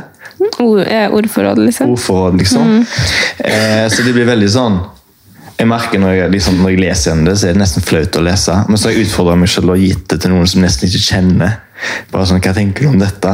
Altså Jeg har sendt det til random på Instagram. bare sånn, du, hva tenker du? Jeg har snakket litt med da, men Ja. kjenner, vi kjenner ikke hverandre. Men det er derfor jeg gjør det. Hun bare 'Dette var litt drøyt'. Bare sånn, ja, men hva tenker du? Men hvem er hun her? Hvordan, hvordan du Det er bare sånn random. Nei, Egentlig så var det ei venninne av meg som sa hun her er superinteressant, hun er litt sånn spirituell og bla, bla, bla. Kanskje Mm. dere to har blitt gode venner? Så tenkte jeg ja, så begynte jeg å skrive til henne. Tror jeg. Og Mm. så sa jeg ja, vi har jo møttes på Balance. Eh, by Juicery. Yeah. Du husker du hadde noen boksegreier. og jeg husker når jeg, når jeg så deg, så tenkte jeg bare sånn åh, en sånn der en, eh, ego-idrettsutøver. For jeg gikk rundt i bares og sånn yeah. eh, tigershorts, liksom. Og, eh, så, så, så begynte jeg bare å snakke med henne, og så bare sendte jeg en taleklipp og sånn. Og så er jeg så veldig sånn, jeg må se mennesker snakke med, så jeg sendte jo sånn film. Ja, så så han, nå er det sånn, Hun ringer meg plutselig bare sitter og snakker. Jeg har aldri møtt henne. Eller jeg har møtt henne én gang. Men hun sendte iallfall i hvert fall dette. Det var sånn random. Ja, kult da. Supersøt. da. Ja. Men um, jeg føler at jeg blir sånn her intervju her. Du må Ja, bare skyte jeg, inn. jeg, jeg, jeg er sånn side- sideskytter. Ja. Uh, men jeg tenkte bare på um, For vi, vi har jo snakka litt om det med bruddet, da. At uh, Jeg er litt sånn usikker på hvordan jeg skal trå. Nå bare skyt, du. Okay. Men eh, hvordan Vi trenger ikke gå inn på hvorfor det er slutt, men hvordan det føles å ha liksom kjærlighetssorg oppå når du allerede har det kjipt. da. Åh, det er så mange følelser. Eh, en ting jeg har lært av dette, det er at jeg har blitt veldig Jeg har blitt mer touch med min feminine side. Og grunnen til at jeg sier feminin, er fordi at jenter er mye flinkere med følelser enn gutter. Og så er det så dritord å forstå så mye nå, når måtte bruddet Fordi yeah. Når jeg har blitt så touch med mine følelser, så har jeg sett tilbake og sett episoder så er det sånn og Problemet jeg hadde, og det kan skyte en problem, for jeg vet at mange har de samme problemene. Et eksempel. Jeg var så dum og trodde at det var greit å like babes på Instagram. For det betyr ingenting. Jeg er i et forhold, med sånn, hva er det å si da? Jeg bare skyter ut så lenge jeg ikke går knøllende, liksom, så er det jo sånn. Som jeg sa, jeg, knøllene. hva? pulene og knøllene. Knølle? Jeg sier knølle. Men uansett, så, så eh, jeg tenkte, jeg husker jeg sa til noe sånn, men det har ingenting å si så lenge jeg går inn på en fest og det går masse jenter rundt i undertøy, så lenge jeg ikke knaller noen. Så har ikke Sa du det? Jeg sa det. Ja, du sa det. Jeg sa det, for jeg tenkte sånn, det går, så, lenge jeg, så lenge jeg går hjem med deg, så viser det bare at meg og deg er sterke. Om jeg liksom sender et slengkyss eller whatever. Men så er det sånn Hvor dum har jeg vært? Hva faen? Altså, jeg skjønner Nei, men altså, jeg tenker liksom sånn En ting er jo at eh, altså, For de som kjenner deg, da. At du liker eh, babes på Instagram. Det, på en måte at Du legger jo ingenting i det, men når du begynner å nevne at du er på en fest og så, Eller sånn da, jeg, jeg sier ikke at jeg har det. Nei, nei, men, men det, Det eksempelet du brukte, Ja. da ble det litt sånn rart.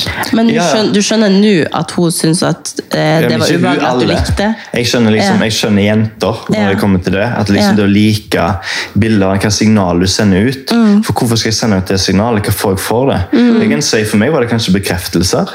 Hadde jeg trengt kanskje en like tilbake. inn, For like er ikke bare en like. selv om folk bruker som, ja, det er bare en like. Det er ikke det. Det er hvilke signaler du sender ut, og det gjør den du personen du er sammen med, Og så handler det jo også om at hvis hun er Det er nå én ting hvis dere er helt cool med det, og liksom hun er selvsikker og bryr seg ikke om det, og tenker bare at ok, her er sikkert en venninne, eller Men Ja, hvis hun også tar det opp og er usikker på det, så Ja. burde man i hvert fall Men det er det som er, det forholdet er jo så forskjellig. ikke sant? Ja, ja, 100%. For meg og Chummy så hadde det aldri liksom vært noe altså Det hadde aldri skjedd at han hadde likt en babe, eller jeg hadde likt en kjekkas. liksom. Hvis han hadde gjort det, hva hadde du følt da? Ja, Jeg syns det hadde vært litt rart. Akkurat. Men det er fordi det er vårt forhold. Men jeg har også vært i tidligere forhold hvor det på en måte Det var aldri noe greie, liksom.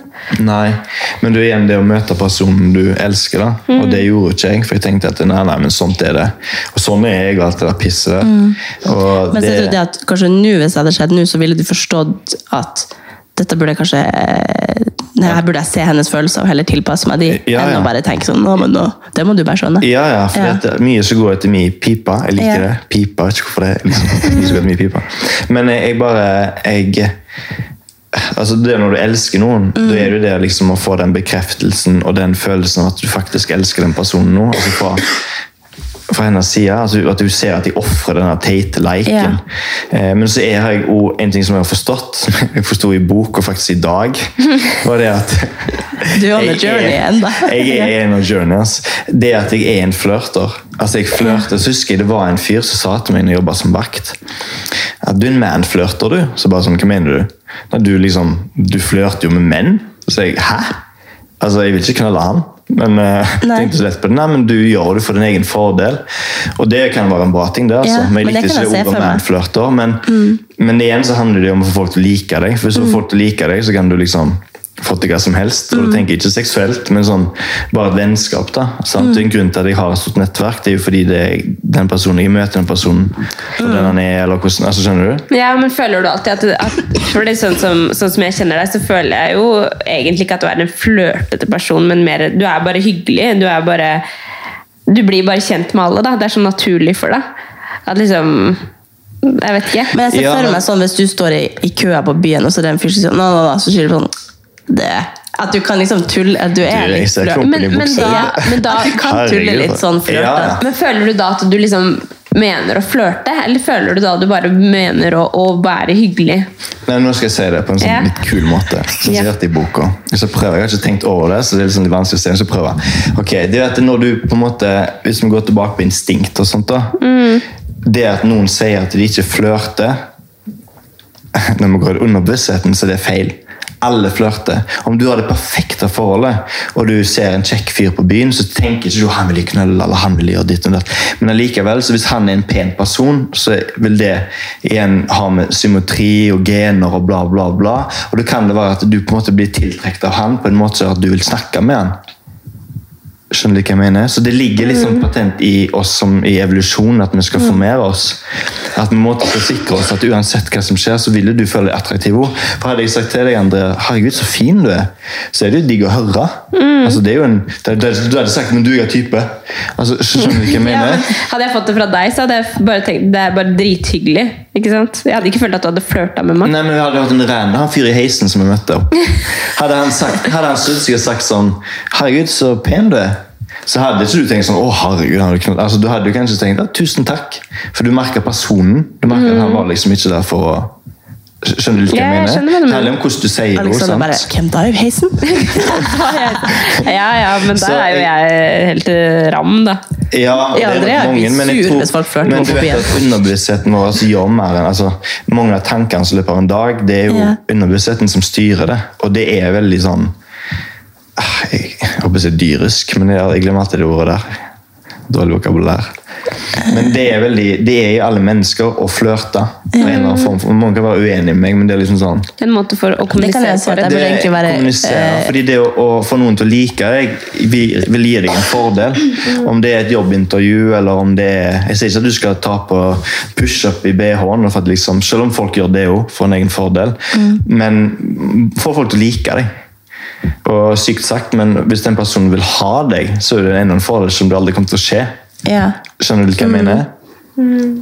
Får ikke si, men det er faktisk sånn Ja, ja. det funker. Da kan jeg si at jeg burde egentlig være litt sjalu på deg, for det eneste han Kevin følger på Instagram, det er meg og deg. Ja, egentlig. Ja. Følger han to Han følger to personer, det er meg og Gekko. Ja, det faktisk Det var sykt Så du er den der jenta Da ble du jeg var rørt. Ja. Og det kunne jeg aldri sagt før. bare sånn, ah, født da. Ja, Men nå er det ja. sånn, herregud, det er koselig da. Altså sånn, jeg er blitt sånn, Ja. ja. Nei, men det er koselig. Men, eh, så du føler liksom at Jeg jeg vet ikke om du svarte på spørsmålet mitt. Hva var det? Om eh, du føler at du håndterer det Det var egentlig ikke det jeg sa. Men Du svarte kanskje på det. Men føler du at du håndterer bruddet bedre nå enn du ville kanskje gjort hvis dette skjedde før ulykka? Ja, 100% Ja. Fordi en annen ting som jeg kan legge inn, det med ego, så at det, det beste som har skjedd er jo og det verste er egoknekken, for jeg har hatt ego til verdensrommet. Eh, og det, det som er så bra når du har mindre ego, det er at du ser det mer, føler jeg. For når du har ego så mye meg sjøl Men nå så jeg, jeg, jeg, jeg si at jeg har mye ego nå, og jeg kan på en måte hente det litt fram. Eh, men eh, jeg tror nok at eh, jeg håndterer det bedre fordi at jeg ser henne mer, jeg forstår mer. Og hvis du forstår mer, så er lettere å håndtere ting, tenker jeg. Eh, og, og måten jeg, sånn som nå, bare for å dra ned med ego da, nå kan ikke jeg liksom få en Tinder-match og fører jeg rett hjem til å knulle opp etter veggen. Altså? Så nå, på, nå er jeg på en måte tvingt til å ligge og bli ridd. Ja. ah, kjipt, ass. Jeg merker Når jeg sier sånne ting, så vet jeg at dere reagerer på det. Like jeg Ja, jeg det er reaksjoner. artig, ja. Jeg elsker det, alltid elsker det. Fortalte en gang jeg konfirmerte meg, så jeg gikk ned på alle fire og krøp opp til presten bare for en reaksjon. Og fordi jeg tjente litt penger da. Men jeg elsker reaksjon. Du tjente penger på det. Ja, ja. Det her er et jækla godt eksempel, for det, var det, det spurte jeg deg om i stad når vi, vi tok heisen her, og så kommer det inn en eh, som hadde vært ute og jogga eller noe, Mm. inn i heisen, og så, og så sier du du burde ta trappene, sier du til han. Ja, ja. Og for da sitter jo du der i rullestol. Ja. Ikke sant? Og da, da tenker jeg For jeg er jo egentlig en som analyserer folk litt. Og liksom, så skjønner jeg. Du, du elsker å få reaksjoner, da, eller å, å sette folk litt ut og teste dem på en måte. Eller få folk til å tenke. Ja, Det elsker jeg. Ja. Derfor Hvis jeg sier noe til deg og så sier at du tenker, det blir sånn yeah. Ja. digg. Yeah, yeah. Det. Men, eh, men eh, Og det, det kan man også merke når man har en samtale med deg, at du kan fort si du kan, du kan si noe som, som folk ikke forventer, da, og så se Ja. hvordan de reagerer. Liksom. Ja, ja. Sånn som bare når jeg var på Tjuvholmen for noen uker siden, så var det sånn der pop-up-training. med. Jeg gidder ikke å gå inn på det. Men uansett så, så spurte han inn meg, og det var sikkert 50-60 stykker der, om jeg hadde lyst til å snakke litt om ulykken min på engelsk. Og før, altså Hvis jeg hadde snakket foran folk før, så hadde jeg bare stått der rød i trynet og bare uh, uh, uh. Men når det snakket om noe så personlig, så bare, da klarte jeg heller å holde kjeft. Så begynte jeg å fortelle om ideen min. så jeg, måten jeg kom på den ideen, hadde jeg hørt på en podcast med han Kanye West, og han sa at han sto i dusjen og bare I should run for president. Og bare sånn, åh faen for en tulling, tenkte jeg. Og så går jeg inn i dusjen, og så står jeg og vasker kølla mi. Store kølla mi, så har jeg bare skøytet inn, og folk og bare øh, Ja, ja, ja, men det er akkurat sånn det. Ja. Og det er liksom det, Jeg vet ikke, det trigger Jeg liker reaksjoner. Jeg liker når folk Ja. Jeg vet ikke hva jeg liker. Men det, var egentlig ikke sånn, du bare sier det som en Nei, det var litt sånn, for jeg har stor kuk. Ja. Det store kuker må ha store ideer. Ja. Men, men det, det er sånn Jeg føler i hvert fall selv da, at hvis jeg skal ha en samtale med deg, så kan jeg, da må jeg være forberedt på at nå kan det komme et eller annet sjukt. Men er ikke det gøy? Jo, jo, men det er gøy. Men det kan jo også slå Ja, ja. en annen vei. på en måte. Jeg. Men jeg syns det er kjempegøy. Ja, Men, men det eh, utfordrer en jo. Ja, som jeg sier, det. Noe av det beste jeg vet Noe av det beste jeg vet er hvis en person ikke liker meg. Ja, Men er det, er det mange som ikke liker deg, da? Jeg opplevde det på Nå skal jeg si det. Jeg opplevde det på Nokofest en gang. Da jeg kom inn, skulle jeg hilse på eh, hun. Og så og så kom typen bort Dere bare, hvem er det? Så kom typen bort og bare Hei. Og så ser han på meg sånn. Jeg merka at han ikke likte meg, og da digga jeg han. For han hadde sånn attitude. bare sånn, Litt sånn alfa. Og, Ja. og da bare sånn, Shit, han fyren der liker jeg. Eh, og jeg liker henne fordi jeg blir sånn trigga, fordi jeg er jo litt sånn alfa meg sjøl. Eh, og liksom at jeg kan slåss og alt det der greiene der. Mm. Og så husker jeg begynte å spenne i hodet mitt. ok, Han er min hele gjeng, jeg er med søstera mi. liksom. Eh, og hvis noe skjer nå, så må jeg gjøre sånn, sånn, sånn. sånn, sånn.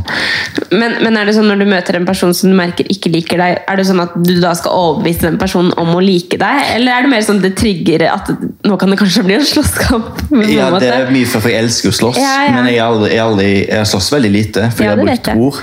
Hvordan vet du det? Fordi vi var på, eh, vi var på eh, Stavernfestivalen en gang. Så var jeg med, der var jeg med deg og Cecilie Bolander. Ja. og så husker jeg at jeg sa at eh, For det var så mye knuffing og sånn. Folk som skulle fram. og sånn. Så jeg, føler meg, jeg har aldri følt meg så trygg ja, når jeg har dere to rundt meg. Liksom. Og da, Ah. Vet ikke om det var du eller Cecilie som sa det, men at dere aldri brukte det. Ja. I, eh, man bruker det aldri. Men er liksom. ikke det ganske eh, sånn vanlig når man er kampsportutøver, at man ikke bruker det? Eller fordi du vet at du kan ta dem? Jeg tror nok at du vil få en annen ro, fordi at Ja. du vet at du kan ta det. Ja. Ja. Men så vet jeg jo at det, altså, det hadde ikke gjort meg noe bank inn foran deg. Det hadde kost meg med det, liksom. Eh, Så Derfor er jeg veldig glad for at jeg er i rullestol nå. For hvis jeg hadde sett eksen min med en fyr Ja. Altså nå, så har de bankt han Det er bare en trussel vi bare sender ut her nå. Jeg bare, bare, men- bare men- si det. så, jeg, så det har jo på en måte det er jo Du sånn hadde gjort det? Jeg hadde gjort det. ja. Hadde gjort jeg har det. til og med fantasert at hvis jeg gikk, sånn, gikk på Akers brygge, dette, Aker brygge, og så ser jeg, har jeg sitt, for jeg visualiserer alt, alle situasjoner som bare for å forberede meg. Så har jeg sett hun sitte med en fyr, så har jeg gått inn i den restauranten, så har jeg tatt tak i han og hevet han i bakken og satt kneet mitt i halsen hans, eller et eller annet sånt. Og vi hadde blitt helt sånn, «Aah!» så hadde jeg bare sånn. Fordi der, altså, dette fucker seg når jeg sier det, for det er ut. For da hadde jeg fått en sånn der en, eh, dominant følelse av at jeg kan gjøre det, Ja. og fordi at jeg er så såret, og da vil jeg at hun skal bli såret. Ja. Så nå ser jeg jo litt sånn imot meg sjøl, men det er jo igjen det med å, ta- takle sine egne følelser. og Det er det jeg jobber med nå. altså. Men, men du skjønner. Så ja, jeg, hadde, jeg tror faktisk jeg kunne gjort det på mitt verste. Men akkurat nå mm, Du hadde ikke gjort det? Kanskje ikke nå, fordi nå på en måte kom det et videre kontakt emosjonelt. At jeg må ha litt mer kontroll. Men eh, ja, jeg kunne ha gjort det. Men hva føler du er det viktigste du har lært av denne boka? Eller de bøkene? Av boka mi? Ja. Oh. Nei, ikke de bok, men de her. de bøkene? Ja, de som du leser. åh, ja, for jeg tenkte mi ikke å Eh, nei, jeg vet ikke det. Det med psykologien. Og så er det Ja. det at det liksom Igjen det med egoet Jeg har jo mista mye Jeg har fått en egoknekk. Mm. Men så er det noe der. altså Det er personligheten min. At jeg skal være best i alt. Så hvis jeg var best til å knulle ei dame før, så skal jeg være best i det nå. Det er veldig mye snakk om det. Ja, men det er fordi at det har vært en sånn har stolthet for meg. sagt knulla så mange. Knulle. Men det er fordi at det, det var en sånn stolthet for meg. At jeg skal være best i alt. sant? Så hvis jeg lå med ei før, så er det på en fin Jeg tror måte. episoden må hete Knølla. Så ville jeg at du skulle tenke han vil jeg møte igjen. Og nå Og nå er det sånn Nå kan jeg jo ikke gjøre det på samme måte. Så Nei. da må jeg gjøre alt det andre. Du må god på alt det andre. skjønner du, Tunge, hender, leketøy.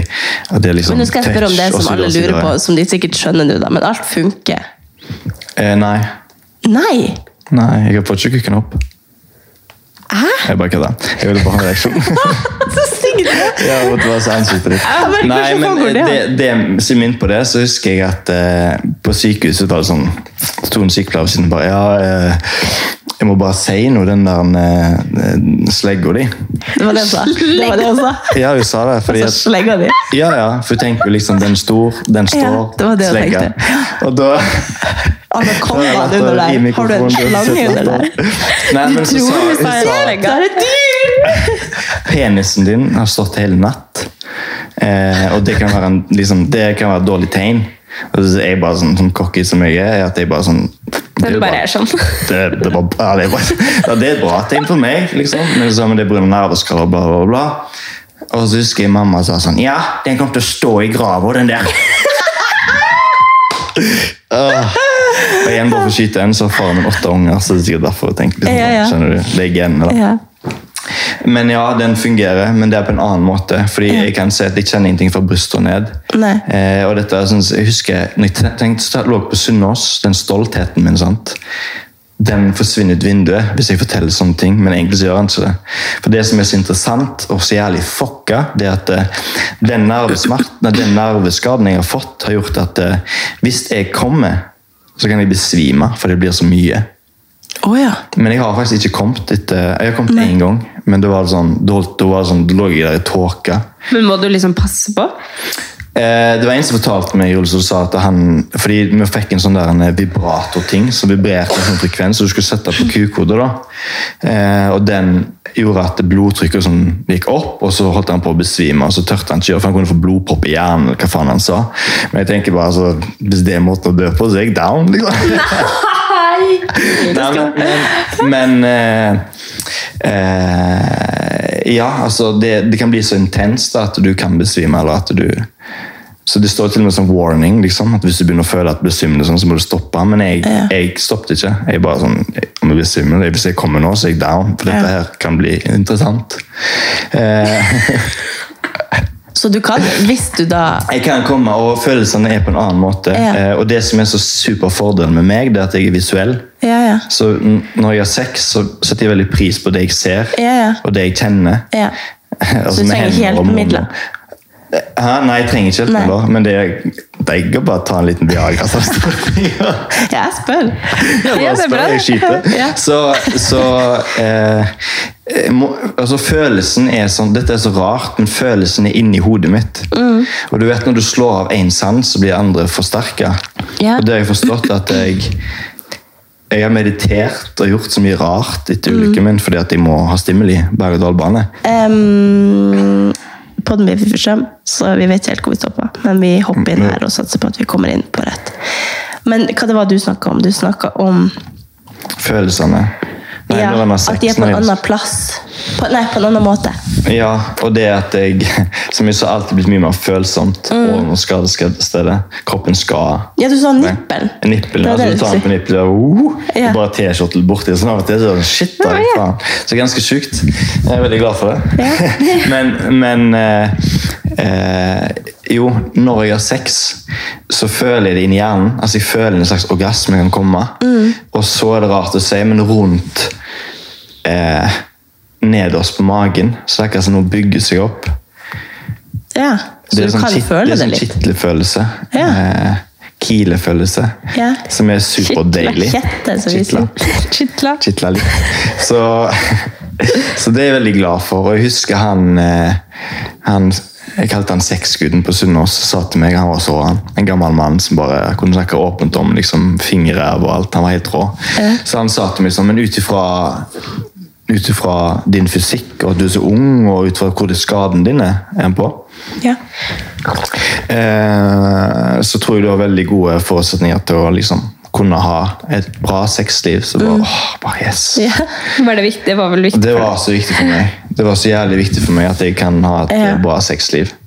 Men jeg tenker det er jo litt sånn som, som man sier sånn med folk som har vanskelig for å komme. da. Så sier man at man skal jobbe med hodet, for at veldig mye sitter i hodet. At Mhm. egentlig så er det mye knytta til mentaliteten, om du klarer å liksom nyte det og alt det her. Ja, ja. At det ofte er mye mer enn Nå snakker jeg som at jeg vet dette, men Ja, fordi, ja, men det stemmer. at, det, ja, at Det- eh, det er veldig knyttet til følelser og hva man tenker om det som foregår. At du kan egentlig tenke deg til å komme. Hvis du, ikke at målet ditt er å komme, for da besvimer du, men, Jo, men at nytelsen er mye i hodet. da. Ja, Så det er jo bra. ja. Det er en fordel. Det er en fordel, ja. Og da er det igjen at jeg syns det er bra at jeg er veldig visuell, for det føler jeg har hjulpet meg veldig. Ja. Ehm, Og Før jeg begynte å se porno, så bare så jeg for meg ting i hodet når jeg tok meg selv, liksom. Ja. Så jeg skjønner at det har funket. Ja. Og det, det funker jo nå, men, men hva jeg skulle inn på, det var en ting til jeg ville si, som var litt sånn spasa. Eh, nei, jeg mista det.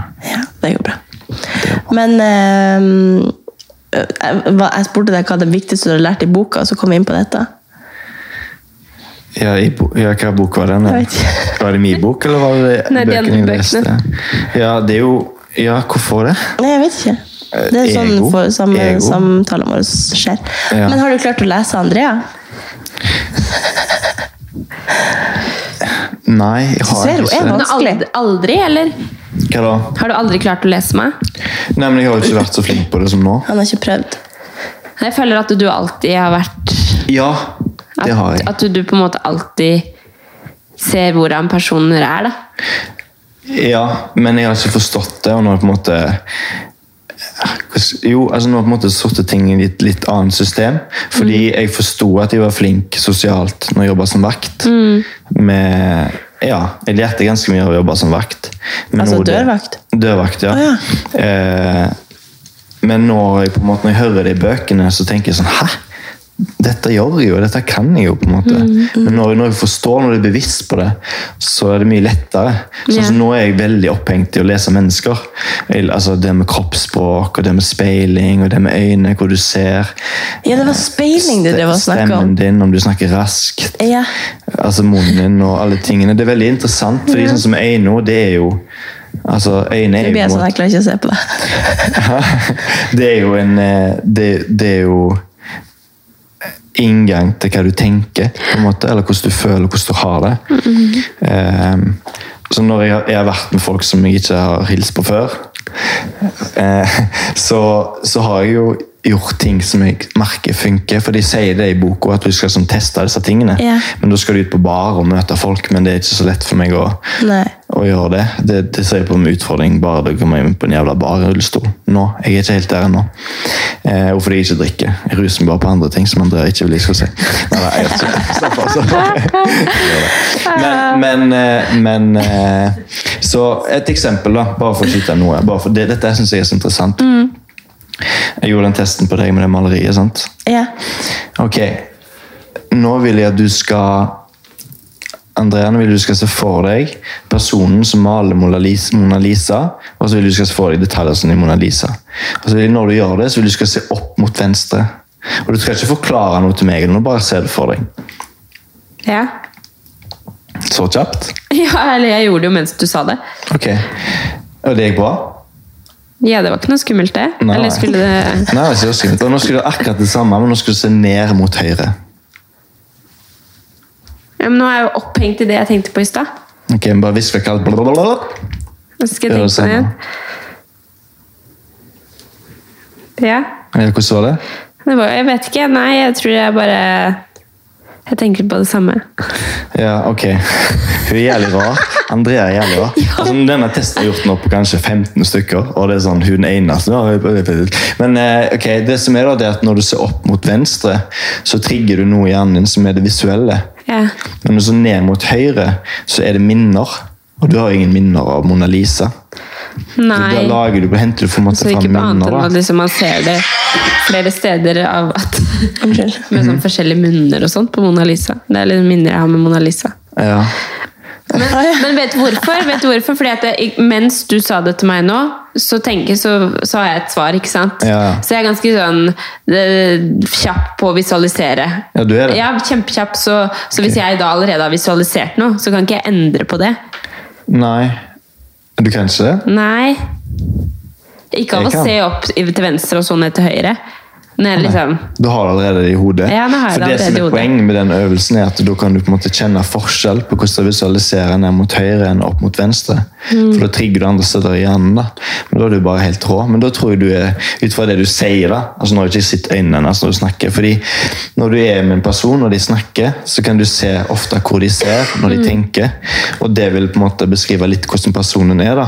Mm. Så hvis jeg da, for eksempel meg og deg sitter i et businessmøte, og jeg vil eh, nailer den jævla avtalen, Mm. da kan jeg tilpasse måten jeg snakker på, ut ifra hvordan du er som person. Så hvis du er en følelsesmessig person og så mye opp mot høyre når, liksom, når du tenker, så kan jeg på en måte De tingene jeg sier, er basert på følelser. Skjønte du det? Ja, skjønner. At jeg, eller at jeg, hvis jeg ser at du er visuell, så kan jeg beskrive ting visuelt. da, Og da vil du føle en sånn en, eh, trygghet, eller du vil på en måte bli mer kjent med meg, og du vil like meg bedre. Mm. For da snakker jeg ditt språk. Og da har du en utfordring hvis du snakker med mange, så derfor bør du må implementere alle de forskjellige tingene når du snakker foran flere folk. Er det Men er tingene- dette universelt for alle? At hvis man er følelsesstyrt, så ser man opp til høyre mye, eller? Altså, alt er, altså Det som er med oss mennesker, vi tror at det vi sier, er på en måte det som du øh, Mener? Ja, eller sånn du på en måte kommuniserer, men egentlig så er mesteparten av måten du kommuniserer på, er kroppsspråk. Så, bare, altså, så ja, det gjelder egentlig alle. Men så er det jo mange ting som f.eks. ut ifra eh, tradisjon, miljø eh, eller issues, ting du har opplevd osv. Et eksempel er hvis en fyr Et eksempel er hvis det er jenta Jeg sitter ved siden av ei jente, og hun liksom skrev litt med beina. Da er hun liksom mottagelig, da er ikke hun da er hun litt komfortabel. Hvis du krysser beina, så kan det være at du på en måte ikke er så mottagelig, eller at du krysser armene. Men kan, du skal ikke tolke alt ut fra det. 'Å, fy faen, nå vil du ha meg'. Altså, altså, det blir jo feil. sånn, ja, Men hun ja. men, men bare sånn at Andreas sitter imot meg når vi snakker, men vi kjenner jo hverandre, så jeg skjønner jo at det på en måte ikke Det betyr jo at hun er komfortabel med meg. Ja. Skjønner du? Ja. Da hadde du sittet litt andre veien eller bein beina kryss eller mot i utgangen, så hadde det kanskje ikke vært så komfortabel. Og hvis du kan sånne ting, så har jeg opplevd at det, da kan du på Et Du kan, du kan manipulere Jeg kan manipulere. Et eksempel. Ja, det er interessant, da. Ja, jeg hadde på besøk, og vi satt og snakket om alt mulig rare greier. Og så sitter hun krysset beina, og hun trakk seg lenger vekk i sofaen når vi snakket. Og da skjønte jeg hun trengte space. Så det gjorde, satte den ene puta mellom oss når vi snakket. Og da merket jeg hun ble mer komfortabel, så snudde hun seg mot meg. Og da når hun gjorde det, så speilet jeg hun måten hun satt på, og til slutt bare liksom, til satt hun liksom i lotusstilling rett overfor meg. Og når du rett, sitter rett foran noen, og ser rett på dem, og liksom ja, hele overkroppen mot noen, så er du veldig sårbar. Og når du da viser en sårbarhet, så er det liksom, du komfortabel. da. Det er et tegn på at du er komfortabel, og da kan du ja, føre samtalen videre ut ifra det. På en måte. Og next synger know, så knøller du også. Nei, det blir. I wish. Det er sånn ta en burpee hver gang du hører knølla i den der poden. Ja, det er drikkelig. Ja. Så ja. Nei, men det er veldig interessant. det. Mm. Så det er det jeg bruker tida mi på nå, istedenfor å lære hvordan slå en jab og sparke. Så vil jeg Ja. lese mennesker. For jeg har jo vært i en del møter og sånt, og etter jeg begynte med det, altså det prosjektet jeg driver med, og de merker bare der fungerer det jo. Altså bare tonefall og alt det greiene der. Å altså, Å nei, Oh, nei. nå må vi avslutte. Kevin kommer. Kevin! Men vi har jo en veldig god prat her. Ja. Men uh, ja, vi Vi kunne kunne prata med deg i evigheter. Ja. Jeg tror vi må bare Kevin kommer nå må vi slutte å snakke om alt mulig rare greier. Nei, bare at han blir bra. Ja da, det går bra. Men det Men går bra. eh, kan- du får bare komme på besøk igjen, da. Ja. Mm. Og da kan vi prate mer om Ja. Vi har veldig masse spennende å prate om. Mare, det. Det er ting som André ikke vil snakke om. òg. Ja. Alt det du ikke vil Her snakke blir om jeg en sånn kommer. synder. Alt det Andrea ikke vil snakke om nå, alt det du ikke vil snakke om nå, kan vi snakke om snart. Da. Ja. Ja. Ok. Det var bra. Takk for at du kom på besøk. Juhu! Takk for at vi kom. Og så kan vi jo si at man må følge med på Instagram og på pop-up training og på Gekko Herjer på Instagram og ja. Ja. Er det ikke det det heter? Jo. Ja. Jeg tenkte å si feil. Jeg måtte bare se det selv, for jeg liker her, han herjer. Nei, men takk for at du kom. Takk veldig, veldig meg. hyggelig. Så snakkes vi. Snakkes. Ha det. Ha det. Ring mamma. Ja, mamma.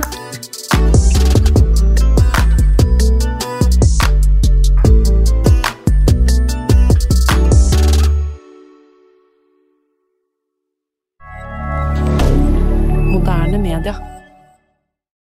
Har du et enkeltpersonforetak eller en liten bedrift? Da er du sikkert lei av å høre meg snakke om hvor enkelt det er med kvitteringer og bilag i fiken, så vi eh, gir oss her, vi. Fordi vi liker enkelt. Fiken superenkelt regnskap.